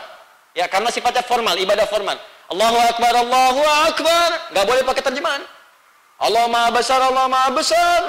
Allah Anu Agung, Allah Anu Agung. Tuhan gua gede, Tuhan gua gede. Ya, bisa macam-macam itu nggak boleh. Paham ya? Sholat sama. Sholat nggak usah ada penerjemah Jangan diterjemahkan karena sholat itu semua bacaannya dibuat mudah oleh Allah untuk bisa dikuasai dan dibacakan oleh setiap hamba-hamba Allah. Paham? Jadi jangan terlampau kreatif. Saya pernah lihat satu kegiatan beberapa tahun yang lalu, sholat menggunakan penerjemah di sampingnya. Gitu ya. Bahkan ada yang sholat menggunakan bahasa masing-masing. Itu pikiran-pikiran jauh, itu jauhkan dari kehidupan kita. Paham? Ya, ada yang sifatnya semi formal. Semi formal itu ada terjemahan, boleh diungkapkan terjemahannya, tapi kalau ditanya mesti jawab dengan bahasa Arab ya. Apa itu? Nama-nama surat dalam Al-Qur'an, contoh. Ya, nama surat itu ada terjemahannya. Ya, misal Al-Baqarah sapi betina. Ya, Ali Imran keluarga Imran. An-Nisa para perempuan. Boleh, tuliskan terjemahan boleh. Tapi ketika ditanya, jawabannya mesti Arabnya. Karena ketika diungkapkan terjemahan, maknanya akan bisa berubah ke dalam jiwa. Lagi ngapain? Murojaah nih. Surat apa? Surat semut. Anamal misalnya, kan gak enak. Paham ya? Nah, paham maksudnya sekarang? Kamu apa? Sapi betina. Al-Baqarah maksudnya. Kan gak bisa kan? Nah, jadi kejiwanya agak berbeda. ya. Mama rajin amat, lagi baca surat apa? Mak-mak, Pak, An-Nisa. Jelas ya? Ah, baik. Ya, sekarang masuk ke hadisnya. Kalau sudah berdoa, kita sekarang komitmen untuk beramal, untuk meningkatkan iman kita. Ayolah, cari akhiratnya. Ada banyak orang cari dunia. Cari akhirat. Cari akhirat. Haddathana Ubaidullah ibn Musa qala akhbarana Hanzalah ibn Abi Sufyan an Ikrimah ibn Khalid an ibn Umar. Jadi ini dari Ibn Umar. Hadisnya Ibn Umar itu nama aslinya Abdullah. Punya bapak namanya Umar bin Khattab radhiyallahu taala anhu, maka dikenal dengan Ibnu Umar, anak laki-lakinya Umar. Uh, saya pernah sampaikan di pertemuan pertama, kalau ada di ilmu hadis, begini kalimatnya. Ibu bapak sedang baca hadis. Ada kalimat ibnu, ibnu, ibnu. Ibnu Abbas, ibnu Umar, ya, ibnu, ibnu, ibnu, ibnu. Itu yang disebutkan bapaknya. Setelah kata ibnu itu bapaknya. Kenapa yang disebutkan bapaknya? Sebagai pesan kepada orang tua muslim di masa yang akan datang untuk menyiapkan generasi anak-anak yang baik. Seperti pesannya begini, Ani bin Omar dari anak laki-lakinya Omar. Kenapa disebutkan bapaknya? Anaknya dihilangkan untuk memberikan pesan kepada kita bahwa Umar pernah mendidik anak sampai sesukses seperti ini. Kalau Umar saja yang dekat dengan Nabi, mertua Nabi, sahabat Nabi, dikubur di samping Nabi, di surga dengan Nabi, masih menyiapkan anaknya untuk saleh, maka kita lebih berhak untuk mengejar apa yang pernah dikerjakan oleh beliau itu. Ya, uh, Abdullah ini sejak kecilnya didekatkan dengan Nabi. Alhamdulillah. Kemudian di rumahnya dibuat rumah Umar yang kemarin ke Madinah dengan saya saya tunjukkan di mana letaknya rumah Umar, di mana letaknya rumah istri Nabi sallallahu alaihi wasallam. Itu Umar punya rumah ya dibuat dibikin dekat ke arah yang keluar pintu baki ya dia ada pintu Jibril kemudian pintu baki ke sebelah sana ke arah Awali itu ada rumahnya Umar. Itu dibikinkan satu kamar Pak Bu untuk Abdullah kecil ini yang menghadap ke arah rumahnya Nabi. Apa visinya visinya adalah sebelum Nabi keluar dari rumah kelihatan bagaimana cara keluar dari rumahnya dari buka pintunya dari jalannya dari nengoknya dari disapanya Makanya nanti Ibnu Umar ini sepeninggal Nabi, Nabinya wafat, beliau sudah hafal 2800 hadis kurang lebih. Hafal 2800. Setiap hadis yang ini dikaji, maka bapaknya akan mendapatkan transfer pahala dari dari Ibnu Umar ini, dari Abdullah ini. Bayangkan sekarang yang ngaji ada berapa?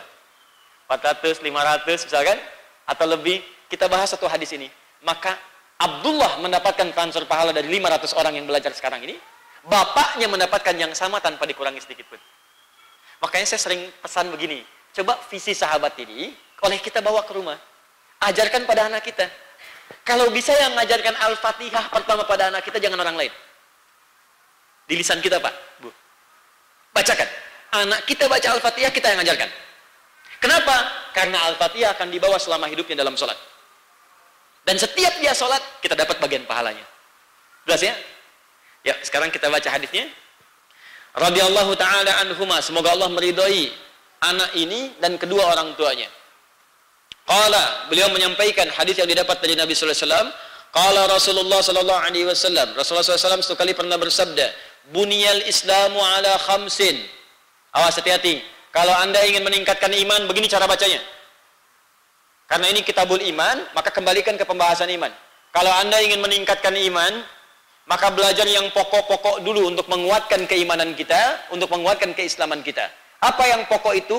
Bunyal Islamu. Dalam Islam itu, dasar yang pokok ala khamsin. Dibangun di atas lima dasar pokok. Ada lima amalan yang pokok. Oh, saya ulang.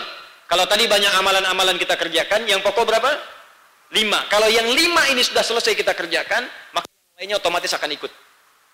Ya Anda kerjakan yang pokok ini, yang lain akan ikut. Otomatis itu. Datang, datang, datang, datang. Tapi kalau yang lain kita kejar, yang pokok ini kita gagal, maka mohon maaf, biasanya yang tambahannya pun tidak maksimal, yang ini tidak akan mendapat bagian dari keistimewaannya. Apa yang pokok itu? Satu. Syahadati an la ilaha illallah Muhammad Rasulullah. Yang pertama, amalan untuk menguatkan syahadat tain kita. Amalan untuk menguatkan syahadat Bukan sekedar diucapkan, tapi dikuatkan. Ada orang yang cuma mengucapkan aja, tapi ucapannya nggak kuat. Sehingga maaf sekali, ditawarin Indomie, pindah agama. Kasih sarung, pindah. Cuma dengan kalimat, sarung enggak, Indomie enggak. Cuma dengan kalimat sekarang pindah. Aku mencintaimu, pindah. Betapa banyak seseorang dijanjikan pernikahan, lantas melepas hal yang paling berharga dalam hidupnya. Din. Banyak kasus kadang orang pindah agama kan? Coba murtad dalam Islam itu. Hanya dijanjikan sesuatu. Padahal setelah itu hilang, selesai. Meninggal ya selesai. Dan iman itu yang akan nanti dibawa kepada Allah Subhanahu wa taala. Begitu hilang, bekalnya nggak ada, pupus. Makanya hati-hati ibu ya, Pak, hati-hati ibu yang ngandung, ibu yang rawat, tiba-tiba setelah dewasa. Bagi Allah nggak ada yang dirugikan. Anda buka aja di Quran di surat Al-Maidah tuh. Ya, ayat 54 ke bawahnya. Ya ayyuhalladzina amanu, hai orang-orang yang beriman, saya ingatkan kepadamu, may yartadda minkum an dini. Siapa yang mau murtad dari agamanya? Awas, awas. Fasaufa ya'tillahu biqaumin. Aku enggak rugi kata Allah. Saya ganti kamu seorang dengan satu kaum. Kamu murtad satu orang, saya ganti dengan yang lain datang. Kamu siapa? Pejabat murtad, saya akan ganti dengan pejabat yang banyak yang lain. Kamu artis, saya ganti dengan artis yang lain. Lalu lebih banyak masuk Islam dibanding kamu. Supaya kamu tahu mereka aja banyak masuk Islam, eh kamu keluar. Ya, fasawfa yatillahu biqaumin yuhibbuhum wa yuhibbunahu. Dan orang ini akan saya ganti kamu satu orang dengan banyak orang yang aku akan cintai mereka dan mereka pun akan mencintaiku. Jadi kata Allah, motif mereka masuk Islam bukan seperti kamu cuman diucapin pindah, dijanjiin pindah, kasih sarung pindah, tapi mereka akan masuk Islam dengan sebenar-benarnya. Mereka akan belajar dulu, mereka akan analisis dulu, mereka akan perhatikan dulu sehingga ketika mengucapkan syahadat sudah ada cinta dalam jiwa mereka kepada Allah Subhanahu mereka. Ini jaminan dari Quran orang masuk Islam tuh nggak macam-macam. Bukan orang biasa. Tuh, sampai kaget di belakang. Benar. Bahasa anak kecil tuh. Coba deh Anda cek deh ya. Coba lihat ya. Yang masuk Islam tuh rata-rata pasti pernah belajar. Belajar dulu. Kemudian analisis dulu, kaji dulu. Kata Allah, satu orang pergi, saya datangin yang lain. Yang itu menjadi tanda pada Anda. Mereka aja belajar tentang Islam, masuk Islam. Ya Anda ini gimana? Anda nggak pernah belajar tentang Islam. Pantas Anda keluar karena nggak tahu bagaimana kenikmatan dan keindahan di agama ini. Jelas ya? Ah, saya bicara di di Islam ya. Kalau ingin diskusi silahkan, nggak ada masalah bagi saya. Jelas? Paham sampai sini? Eh, azillatin alal mu'minin, a'izzatin alal kafirin. Ketika dia kemudian maka karena kecintaannya dengan agama Islam itu perilakunya pun dengan orang orang beriman akan lembut, sayang. Jadi kalau orang beriman itu perilakunya lembut, Pak ngaji jadi lembut, kata-katanya lembut, perilakunya lembut. Jadi kalau Anda ngaji, tiba-tiba jadi kasar, berarti Anda ada yang salah ngajinya. Anda ikut taklim, jadi pasti ada yang salah. Karena sifat di Quran itu menyebutkan jadi lembut, jadi berubah. Ada kelembutan, ada disikap. Ini kok pulang ngaji di rumah tangga ribut? Eh, kok bisa pulang ngaji suami istri ribut? Pulang ngaji dengan tetangga ribut, Anda ngaji apa? Paham ya? Nah, karena itu koreksi lagi. Dan jangan salahkan orang lain. Barangkali kitanya yang belum bisa memahami dengan baik. Kita pelajari lagi pelan-pelan lebih baik. Jelas? Baik. Nah, bagian yang pertama, ada orang yang kata Al-Quran, itu hanya mengucap di lisan syahadat. Cuman nggak dikuatkan syahadat itu dengan amalan. Karena nggak dikuatkan, nggak nyampe kepada hatinya kalimat itu. Itu ada di Quran surah ke-49, ayat ke-14. Ya, Quran surah 49, ayat ke-14. Qalatil a'rabu amanna. Orang Arab berkata, kami telah beriman. Zaman dulu. Arab Badui. Qalatil Arabu, ada Arab, ada Arab, itu beda. Kalau Arab berarti Arab kota, kalau Arab Arab Badui. Kampung. Ya, padang pasir. Kalau Nabi Arab, ingat Nabi bukan Arab, Nabi itu Arabun, orang kota. Lahir di kota, pindah ke kota. Lahir di Mekah, Mekah itu kota, metropolitan. Tempat orang datang berniaga, tempat orang ibadah. Pindah ke kota, Madinah, Al-Munawwarah, yang di Madinah. Di beliau dari kota, pindah Penting saya sampaikan kalimat kota ini karena di ilmu dalam ilmu bahasa Arab, ingat ya, nanti di antropologisnya, kalau orang tinggal di kota di Arab itu itu menunjukkan orangnya sopan. Orang sopan, orang berpendidikan, orang punya latar belakang baik. Tapi kalau orang Arab, orang pedalaman, Baduy itu cenderung kasar. Kata ya kata-katanya, pengingkarannya, kadang-kadang tampilannya kotor. Nah, orangnya fashionable, Ya, kadang-kadang ada terumpah dari Yaman beliau pakai, jubahnya juga ditata dengan rapi, bagus karena orang kota. Anda jangan lihat itu dengan data pertimbangan di Indonesia bukan. Kalau di Indonesia beda lagi. Di daerah itu lebih halus, lebih lembut, lebih lugu, lebih sopan. Di Arab beda. Makanya kalau Anda kemudian ke Mekah haji, tiba-tiba ada yang nawarin, eh mikot mikot mikot mikot mikot mikot eh, eh, eh. misalnya ah tampilannya misalnya kadang ada debunya kasar itu pasti orang-orang daerah Eh, tapi kalau orang-orang yang kotanya sopan, haram, haram, haram, ya Masya Allah, saya di haram, haram, la, la, la, anak halal. haram di sini maksudnya ke masjid. Ya, jadi kalau di Mekah haram, haram, ke masjid enggak, ke masjid enggak, gitu ya, masjid haram. Bukan antara halal dengan haram. Nah, kul lam tu'minu. Muhammad katakan pada orang Badu ini, lam tu'minu. Kalian belum beriman. Tuh, bahasa Quran. Yang dimaksud belum beriman ini bukan masuk Islam, bukan. Ya, walakin kulu aslamna. Tapi katakan pada orang ini, kulu aslamna. Kamu baru masuk Islam, baru mengucapkan syahadat. Walamma yadkhulil imanu fi qulubikum. Sedangkan kalimat iman itu belum nyampe ke hatimu. Baru di mulut. Baru di lisan. Ah, bagaimana menjadikan iman itu sampai ke dalam jiwa kita? Pertama, perkuat syahadat kita dengan amalan. Nanti amalannya saya simpan dulu, nanti kita rincikan ya. Saya bacakan dulu beberapa yang lain, setelah itu baru kita kembalikan ke awal. Yang pertama, memperkuat iman dengan amalan-amalan syahadatin. Yang kedua, wa iqamis salah dengan menunaikan salat.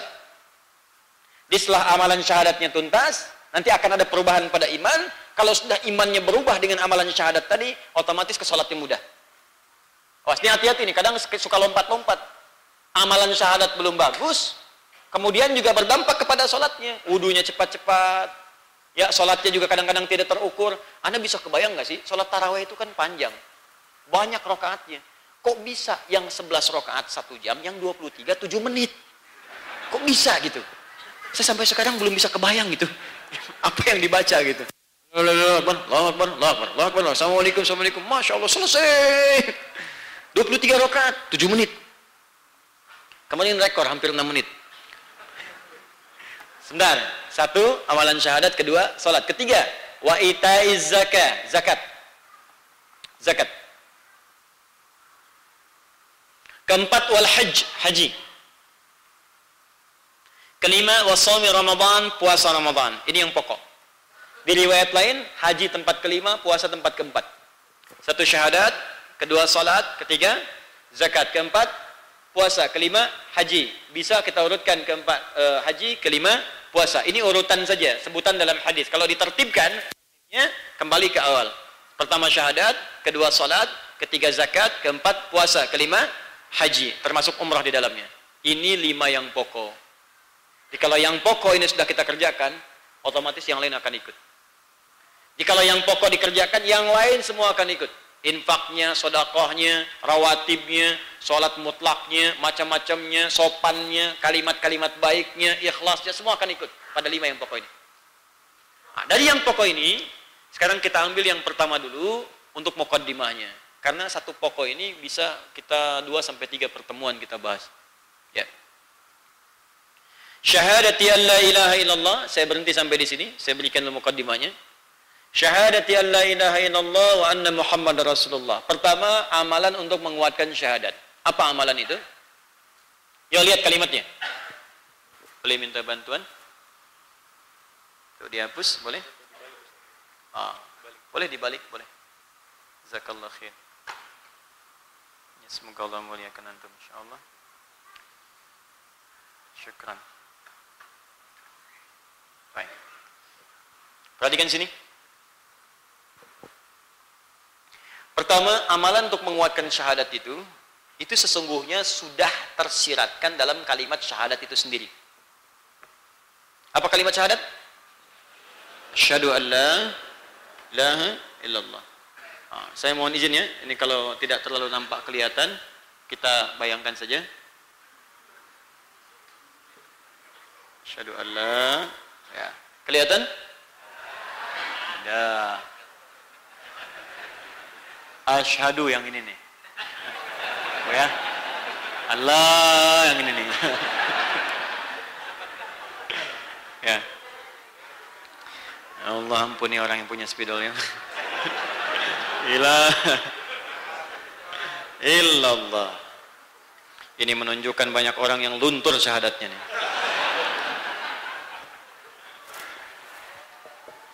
Sudah? Official biasanya bawa spidol. Gak sempat. Lihat sini. Perhatikan amalan ini singkat ya. Bapak Ibu. Sekarang buka. Ulangi. Buka Quran surah ke-20 ayat ke-14. Dipadukan dengan Quran surah ke-47 ayat 19. Jazakallah khair. Oh ini. Milik Ahok.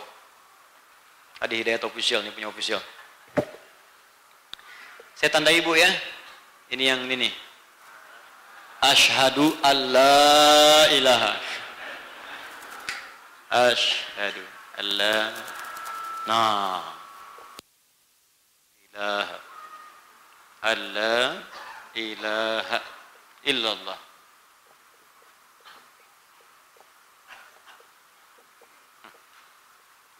Ini asyhadu.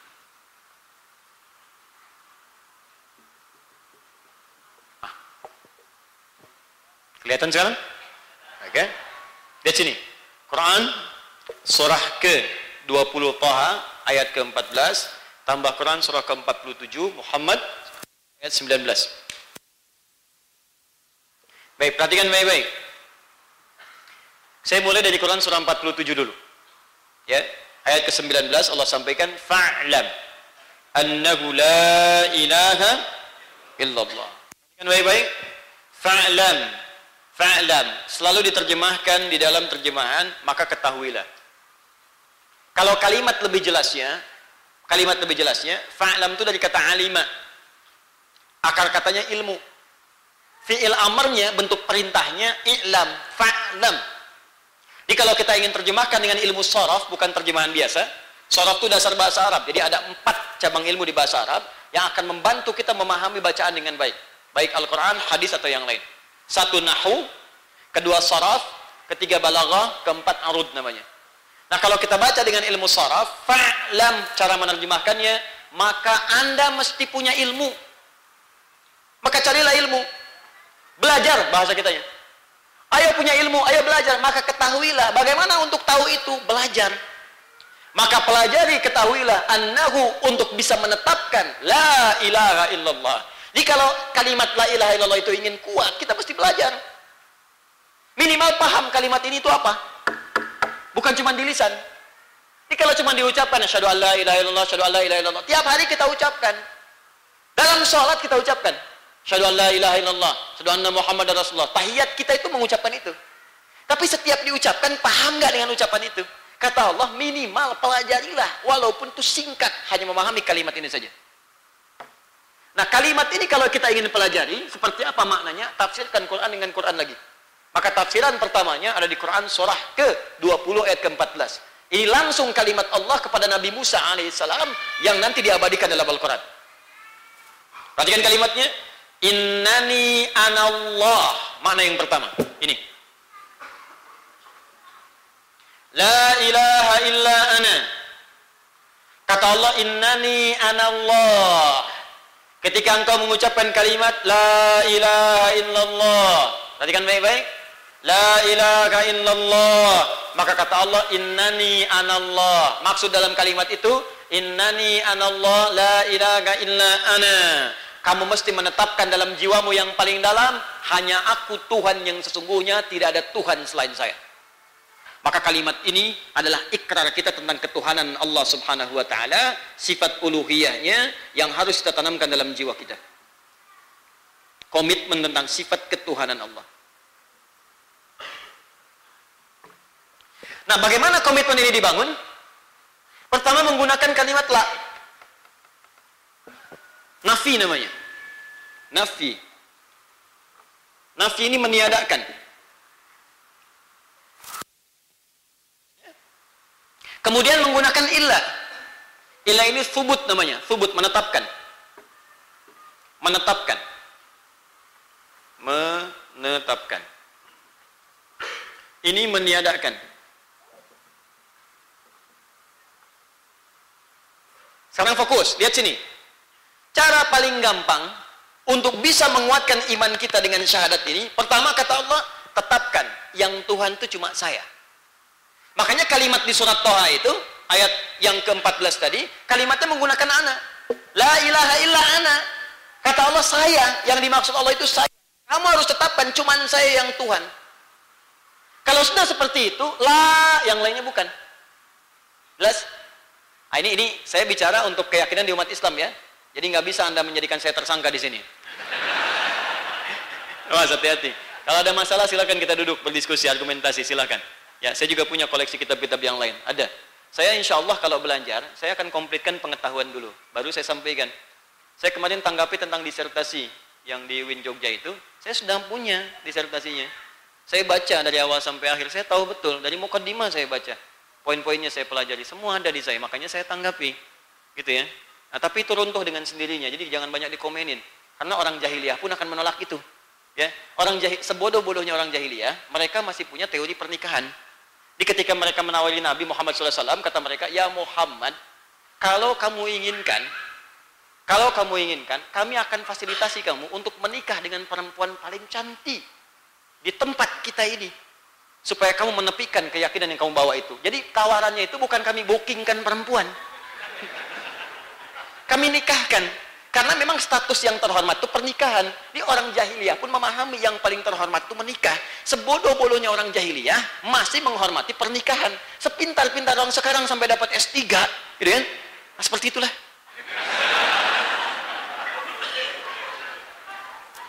Jadi teori itu gugur dengan sendirinya, jangan jangan capek-capek dibantah gitu ya. Kalau Abu Jahal masih hidup, heran juga dia. Kamu kenapa ngaku-ngaku Abu? Ya? Sudah sini. Panjangan nanti. Nah, jadi yang pertama Pak, tetapkan hanya siapa yang Tuhan? Allah. Makanya sifatnya tauhid. Ya, bahkan dalam kata ganti pun menggunakan ana itu satu. La ilaha illa ana untuk menunjukkan hanya satu kepada yang Tuhan, yang lain tidak. Dalam perbuatan bisa menggunakan pemir jamak. Nahnu inna anzalna pakainya inna fatahna. Nah, tapi kalau dalam ketuhanan selalu menggunakan satu. La ilaha illa ana. Ketika menunjukkan satu tidak ada yang lainnya, satu tidak ada yang lain, cuma satu saja. Tidak ada yang lainnya, maka dalam bahasa Arab disebut ahad namanya. Ingat ada ahad, ada wahid itu beda. Kalau ahad satu-satunya nggak pernah ada dua, apalagi yang selanjutnya. Kalau wahid bisa satu nanti ada dua ada tiga. Makanya ketika menggunakan kalimat wahid, kata ilah wajib muncul. Ilah dulu, baru wahid. Untuk menunjukkan yang satu ini menunjuk kepada Tuhan, bukan pada yang lain. Wa ilahukum ilahu wahid. Menggunakan ilah, baru wahid. Tapi kalau ilahnya dibuang, harus menggunakan ahad saja. Kul huwallahu ahad.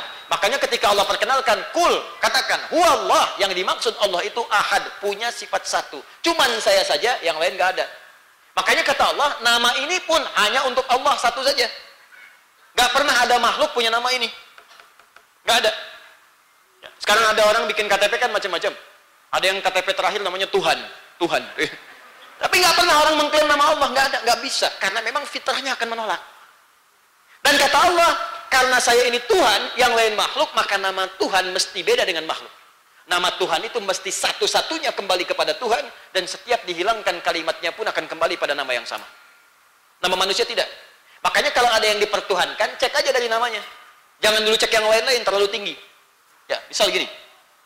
Saya tulis Allah nih. Eh, nggak apa-apa mas. Ya, nggak, nggak, nggak, nggak dihapus nggak. Ah, ini Allah. Pinjam penghapus sih. Lihat sini. Fokus, baca. Nah, dari sifat namanya aja kata Allah sudah beda. Ini pengetahuan ya. Dari sifat namanya, nama ini khusus untuk saya kata Allah. Innani anallah. Kembali ke Quran surah 20 ayat ke-14. Saya ini Allah, nama saya Allah. Sifat nama Allah ini dari namanya saja ahad. Kul huwallahu ahad. Katakan Allah itu sifat namanya saja ahad, baru namanya. Yang lain-lainnya sudah pasti ahad. Apa sifat ahad itu? Kalaupun dihilangkan setiap hurufnya akan kembali kepada satu zat yang sama. Saya hapus nih. Baca. Lillahi ma fis samawati wa ma fil ard. Kembali kepada Allah. Saya hapus satu lagi, lamnya. Pastinya hilang. Baca. Lahu mulkus samawati wal ard. Kembali kepada Allah. Saya hapus lamnya. Baca. Hu. Hu itu singkatan dari huwa. Dari mana tahu singkatan? Kalau Anda baca kalimat huwa, huwa, berhenti kemudian wakaf di situ, maka waknya akan hilang yang dibaca hu. Contoh, Quran surah kedua ayat 255, ayat kursi. Allahu la ilaha illa huwal hayyul qayyum. Berhenti di kata huwa, maka waknya nggak dibaca. Allahu la ilaha illa hu, waknya nggak bunyi. Di asal kalimat hu ini kembali ke Allah. Allahu la ilaha illa hu. Hu itu ke siapa? Ke Allah. Asalnya apa? Huwa. Ini hu asalnya huwa. Ustaz tahu dari mana huwa ini kembali ke Allah? Baca Al-Ikhlas. Quran surah ke 112. Bacanya apa? Kul, katakan huwa yang dimaksud huwa ini Allah. Punya sifat ahad. Kul huwa Allahu ahad. Ah, jadi gini, gini. Kalau sudah paham Allah itu Tuhan, maka sudah setiap ada yang mengaku Tuhan, setiap ada yang datang bawa konsep ketuhanan berbeda, setiap ada yang ngaku-ngaku Tuhan, maka praktekkanlah nafinya, lah, tolak, gitu aja udah selesai. Ini kadang-kadang, mohon maaf, ini masih diakomodir, jangan diakomodir. Kalau ada orang liberal datang, bawa paham, semua agama sama, menuju pada Tuhan yang sama, cuman caranya beda-beda. Lah, nah. Gitu aja gampang. Jadi itu nggak mengganggu kita. Nah ini maaf ya, ilahnya dipakai tapi laknya diakomodir. Nggak dipraktekkan. Sehingga datang bawa paham yang menggugat ketuhanan Allah Subhanahu wa taala difasilitasi bikin seminar, bikin stadium general, ya itu namanya memper, memperluas pemikiran itu sehingga memengaruhi konsep ketuhanan itu. Ujung-ujungnya apa? Keimanannya luntur nantinya. Jadi salah gitu kan? Orang di masjid adzan nih, adzan ke tempat agama lain. Bawa tumpeng ke tempat yang lain gitu kan macam-macam lah gitu.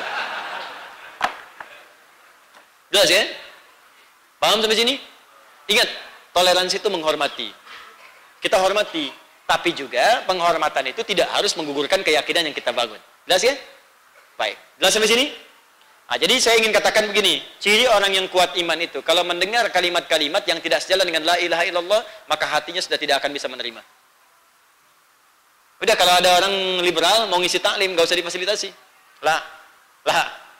Ada bukunya, lah jangan dibaca. Ada siarannya, lah. Ada tulisannya, lah. Karena setiap diakomodasi, maka persoalannya akan melemahkan keimanan kita di hadapan Allah Subhanahu wa taala. Jelas? Termasuk sekolah-sekolah yang di situ kemudian konsep ini awas, mesti kita praktekkan. Eh, siapa Bapak Ibu yang anaknya pengen jadi dokter boleh angkat tangan? Oh, tidak ada. Ada boleh. Siapa yang anaknya pengen jadi pejabat boleh angkat tangan? Jadi arsitek, insinyur boleh angkat tangan. Baik. Barangkali tidak mengangkat. Tapi persoalan terbesarnya adalah, mau nggak anaknya menjadi dokter tapi kehilangan keimanannya? Anaknya menjadi insinyur tapi kehilangan keimanannya. Karena sekarang ada sekolah-sekolah yang saat anak Anda masuk ke situ harus dituliskan perjanjian di awal bahwa dia harus ikut ibadah di umat kepercayaan lain atau keyakinan yang berlaku di sekolah itu.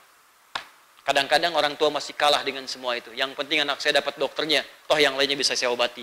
Bagaimana ketika ikut kemudian acara yang dimaksudkan Anda meninggal atau anak Anda meninggal, siapa yang bertanggung jawab di hadapan Allah Subhanahu wa taala? Kalau urusan akidah saya tidak kompromi, tapi saya menghormati keyakinan orang lain. Kita pun nggak boleh mencela orang lain. Jangan mencela orang lain, kita hormati keyakinan orang lain, tapi kita belajar untuk menguatkan keyakinan kita. Jelas sampai sini? Baik, ini kalimat yang singkat tapi padat sekali dan jarang dipraktekkan dalam kehidupan kita. Ingat, Anda punya tetangga non-muslim, hormati. Ya, nanti dalam bab selanjutnya kita akan belajar tentang infak. Kita akan belajar nanti. Ternyata infak itu jangan cukup untuk orang Islam saja. Mungkin ada tetangga kita yang Kristen, yang Hindu, yang Buddha, tiba-tiba Anda ingin masak makanan, kata Allah bagi lewat lisan Rasulnya. Jangan lihat akidahnya kalau untuk berbagi makanan. Jangan lihat akidahnya kalau untuk berbagi sarung.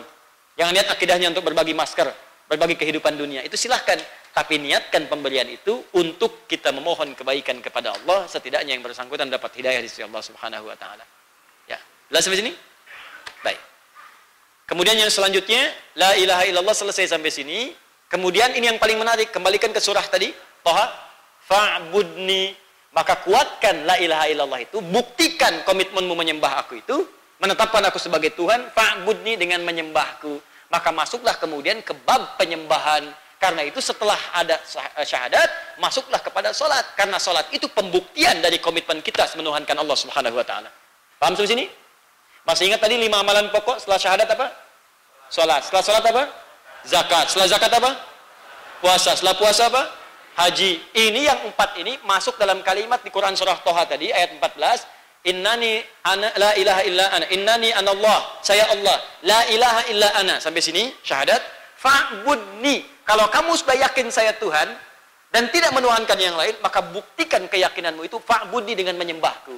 Bagaimana menyembah Allah itu? Maka turunlah tadi salat, kemudian zakat, ada puasa, ada haji, umrah dan sebagainya. Itu yang pokok.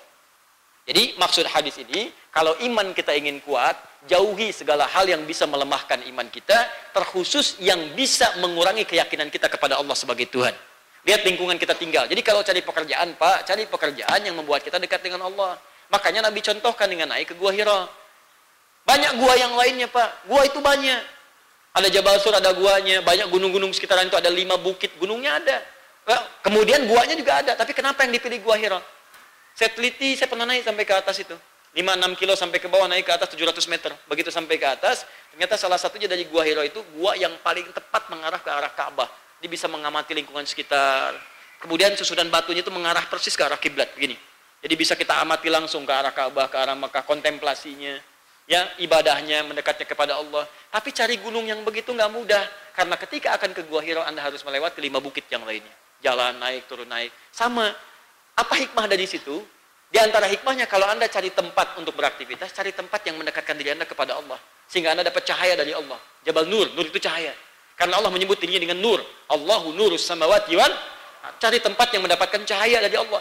Cari pekerjaan yang membuat Anda dekat dengan Allah. Cari maaf rumah yang bertetangga dengan orang-orang yang dekat dengan Allah. Cari sekolah yang mendekatkan diri dengan Allah. Cari kampus yang di situ ada ibadah mendekat kepada Allah. Cari yang seperti itu. Sehingga iman Anda semakin menguat. Kalau Anda cari tempat-tempat yang membuat Anda jauh dari Allah, bahkan di situ Anda sulit mendekat kepada Allah, di situ keimanan Anda akan meluntur. Dunia itu sudah jelas aturannya. Rizkinya diatur. Cuman surga kita yang belum jelas di hadapan Allah Subhanahu wa taala. Wafat itu pasti, tapi bekal kematian kita yang belum jelas.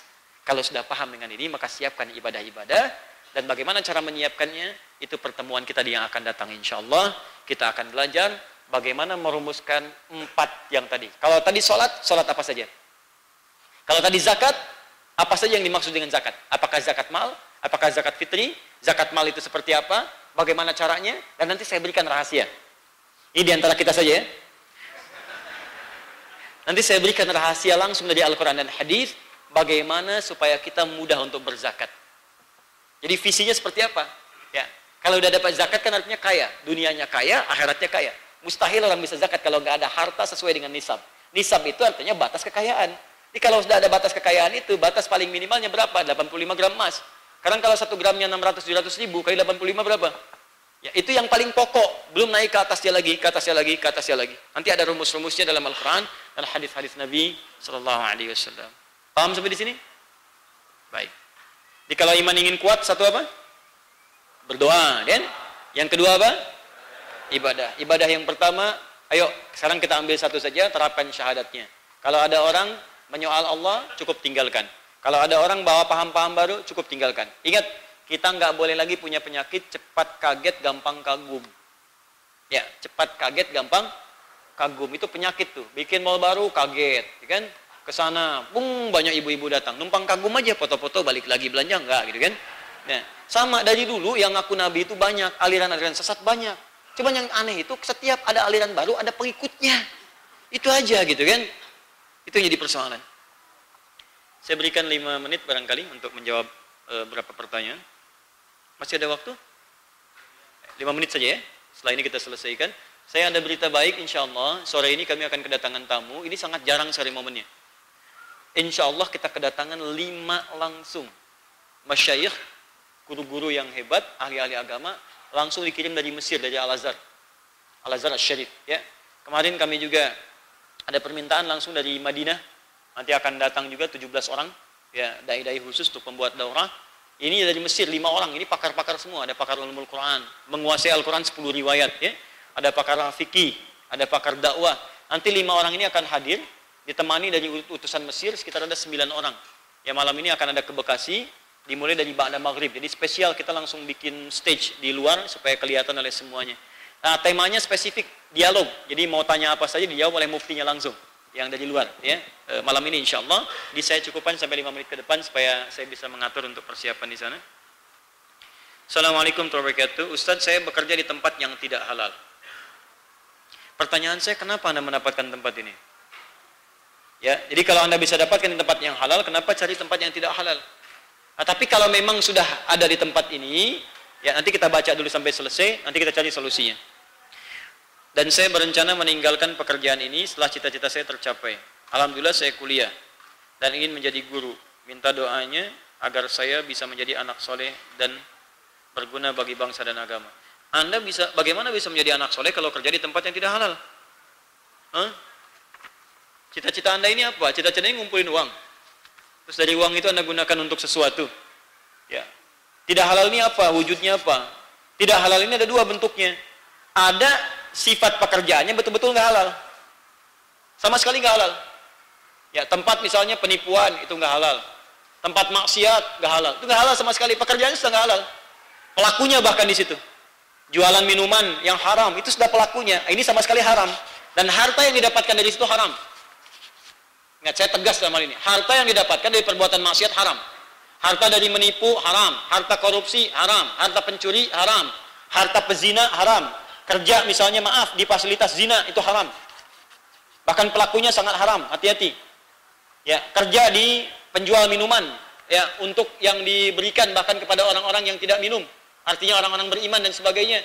Dia jualan yang haram, dia pelakunya, dia tahu itu haram hukumnya. Dan ketika dia kerjakan itu, mohon maaf, itu harta yang didapatkan haram. Dan hati-hati, kalau harta haram masuk ke perut, itu dua konsekuensinya. Satu, doanya itu nggak akan masuk mendapatkan ijabah dari Allah Subhanahu wa taala. Bahasa hadisnya jelas. Bahasa hadisnya thumma dzakara rajula yutilus safara asy'atha aghbara. Nabi mengisahkan seorang lelaki menempuh perjalanan panjang untuk berdoa. Yamuddu yadayhi ila sama mengangkat tangannya ke langit. Fayaqulu ya Rabb ya Rabb dia berkata ya Rabb ya Rabb al asmaul husna. Tiga syarat terpenuhi. Perjalanan jauh, yang kedua memulai dengan asmaul husna, kemudian mengangkat tangannya ke langit. Tiga-tiganya ini syarat doa cepat dikabulkan. Seharusnya doanya tiga kali cepat dikabulkan oleh Allah. Tapi kata Nabi, anna yustajabu lidzalik. Ini mustahil doanya dijawab oleh Allah. Kenapa?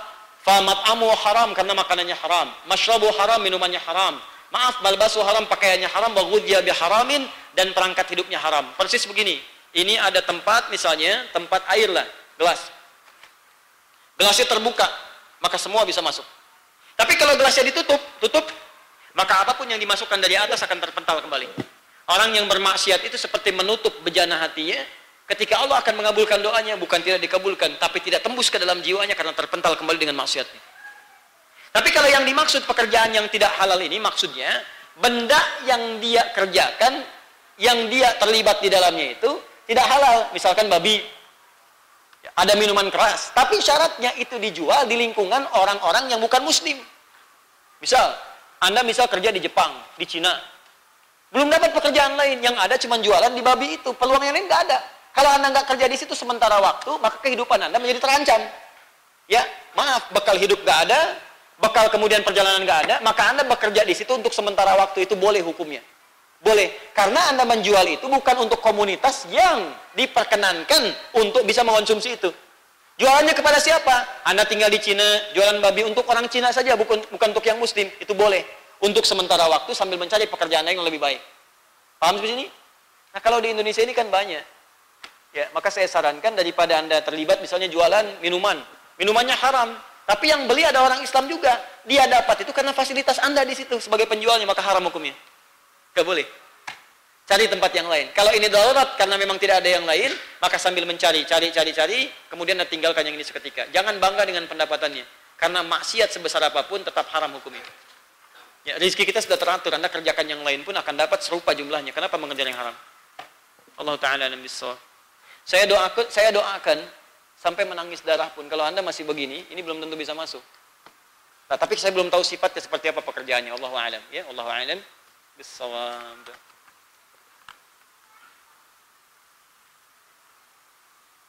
Mohon doa untuk bapak, adik dan kakak saya yang belum beriman untuk dapat bersyahadat dan beriman kepada Allah. Insya Allah. اللهم تقبل منه ومنها انك انت السميع العليم وتب علينا انك التواب الرحيم اللهم اهدي يا الله من عائلتي وعائلتها يا رب العالمين واهدي الى الاسلام واهدي الى الاسلام قبل وفاتهم اللهم نورهم يا الله بالهدايه كما نورت الى الى من الى بعد من اخرتها يا ارحم الراحمين وعائلته اللهم اهديهم واجمعهم في الاخره كما جمعتهم في الدنيا يا ارحم الراحمين semoga Allah berikan hidayah kepada semintaan anda ini dan jangan putus asa jangan putus asa dalam berdoa saya satu kali bulan lalu saya mengajar di komunitas ada satu komunitas public figure. Tiba-tiba ketika akan masuk saya diinfokan ada seorang yang masuk Islam Ustaz. Saya seorang artis masuk Islam tapi nggak ingin di hadapan orang banyak. Hanya terbatas saja. Saya bilang nggak apa-apa. Kemudian tiba-tiba begitu saya akan mengisi ada salah seorang Ustaz datang mengatakan Ustaz kakak saya akan bersyahadat. Tolong kemudian dibimbing. Saya bilang insya Allah jadi begitu saya umumkan ada yang akan bersyahadat di sini panitia kaget Ustaz itu mohon dirahasiakan bukan di sini. Oh bukan itu saya bilang. Maka saya panggillah orang yang tadi saya panggil kakak dari Ustadz tadi, Masya Allah, kemudian bersyahadat, orang semua kaget. Itu kakaknya Ustadz Felix Show, ya, namanya Freddy Show, masuk Islam. Ya, e, padahal Masya Allah gitu kan, hidup bersama di keluarga, ya, kemudian juga di situ melihat. Tapi apa yang dibuktikan oleh beliau? Pertama, dibuktikan dengan akhlak. Akhlak kebaikan, perubahan yang baik, perhatian kepada keluarga, walaupun dimusuhi tetap kemudian bersikap yang baik. Ternyata itu berdampak pada nilai-nilai kemuliaan. Maka saya sarankan kepada yang bertanya ini, praktekkanlah yang serupa. Itu teorinya di Quran surah ke-16 ayat 125. Tapi saya sebut prakteknya tadi supaya menginspirasi dulu. Ya, jadi jangan sampai walaupun nanti tadi ada adik kakak misalnya masih kasar, belum menerima Islam, maka balas dengan perlakuan lembut. Ya kata Allah, "Ud'u ila sabili rabbika bil hikmah." Ajaklah orang ke jalan Tuhanmu, kenalkan Islam dengan hikmah. Apa hikmah yang pertama ini? Hikmah itu bisa kata-kata bijak, bisa tindakan yang baik, bisa keburukan dilawan dengan kebaikan. Jadi kalau dia mencela, balas dengan hal-hal yang baik. Kalau ada hadiah, kirimkan. Kalau ada makanan, bagi. Berbuat jujur, berbuat baik. Sehingga dengan akhlak itu, itu lebih cepat memberikan jalan hidayah kepada yang bersangkutan dibandingkan dengan kalimat-kalimat ajakan-ajakan biasa. Allah Ta'ala anam bisawab. Saya ibu berumur 44 tahun, Alhamdulillah.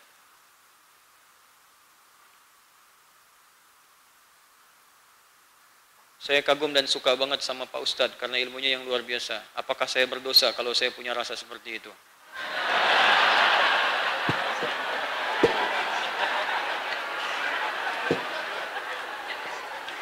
Ya sepanjang ibu senang dengan ilmunya nggak apa-apa. Tapi kalau mulai mencintai saya itu bermasalah.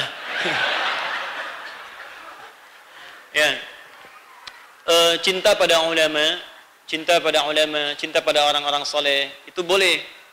Yang dimaksud bukan cinta pada fisiknya bukan, tapi cinta pada keilmuan, cinta kepada amal-amal solehnya untuk diikuti. Bukan untuk dikultuskan itu yang salah. Awas hati-hati. Bukan untuk dikultuskan, tapi untuk diikuti. Ya, makanya banyak dulu para ulama pun sering memandang ulama-ulama lain. Datang, minta istifadah. Ini banyak ulama-ulama datang ini. Saya sedang mengatur waktu untuk bertemu, untuk minta nasihat. Saya senang ini. Ya, ada habaib-habaib, ada kiai-kiai, ada tokoh-tokoh. Saya ini punya libur dalam sepekan beberapa hari, tapi saya nggak sebutkan.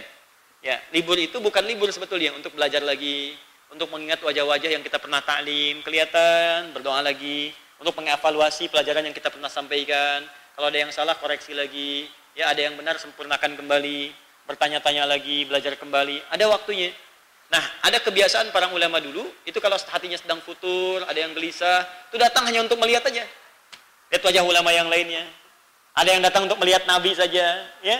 Ada yang kemudian untuk uh, belajar dari akhlaknya dan sebagainya. Jadi kalau yang dimaksud menyukai mencintai ini, menyukai misalnya ada apa namanya hal-hal yang baik lah sifatnya, yang kira-kira bisa diikuti silahkan, silahkan. Tapi jangan sampai ke pengkultusan sifatnya. Ya, jangan dikultuskan karena manusia itu pasti ada salahnya. Ketika terlampau berlebihan, maka Anda tidak akan bisa melihat kesalahannya yang harus ditinggalkan. Ya, jelas ya? Ya, semoga Allah muliakan ibu dan keluarga ibu serta suami ibu dan anak-anak ibu insya Allah. Alhamdulillah. Ini masih ada yang biasa. Kalau yang di Bekasi minta jadi imam.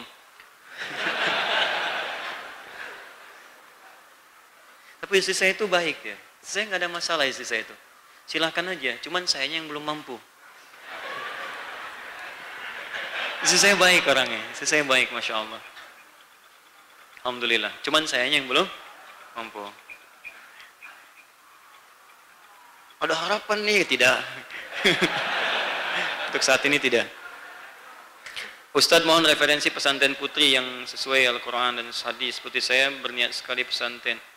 Uh, tujuannya apa? belajar Quran saja, hadis saja, atau fikih atau bahasa Arab sekarang banyak. Ya, yang pesantren-pesantren perempuan banyak. Kalau belum dapat pun bisa misalnya ke sekolah yang umum-umum, tapi ada plus agamanya nanti di, di backup lagi dengan pendidikan yang lain. Sekarang banyak loh Bu Pak. Sekarang bahkan yang dari Eropa itu menitipkan kalau liburan ya sandwich program ke Bekasi. Kami ada kelas hafalan Quran. Sekarang 30 hari menghafal Quran. Nanti bulan ini Oktober akan dibuka gelombang kedua. 30 hari hafal Quran. Kemarin ada yang 24 hari, 25 hari. Ibu tahu di antara peserta perempuan itu ada yang dari Malaysia, ada yang kuliah di Jerman, kuliahnya di Jerman. Tapi saat liburan menghafal Quran di sini. Sebentar lagi mau selesai insya Allah. Ada yang masih 9 tahun, sekolahnya di Malaysia. Saat liburan, di sekolahnya nggak diajarkan hafalan Quran. Ya, tapi dia mau ngambil itu. Jadi kuliah dapat umum, pulang kemudian ke Indonesia liburan, belajar menghafal.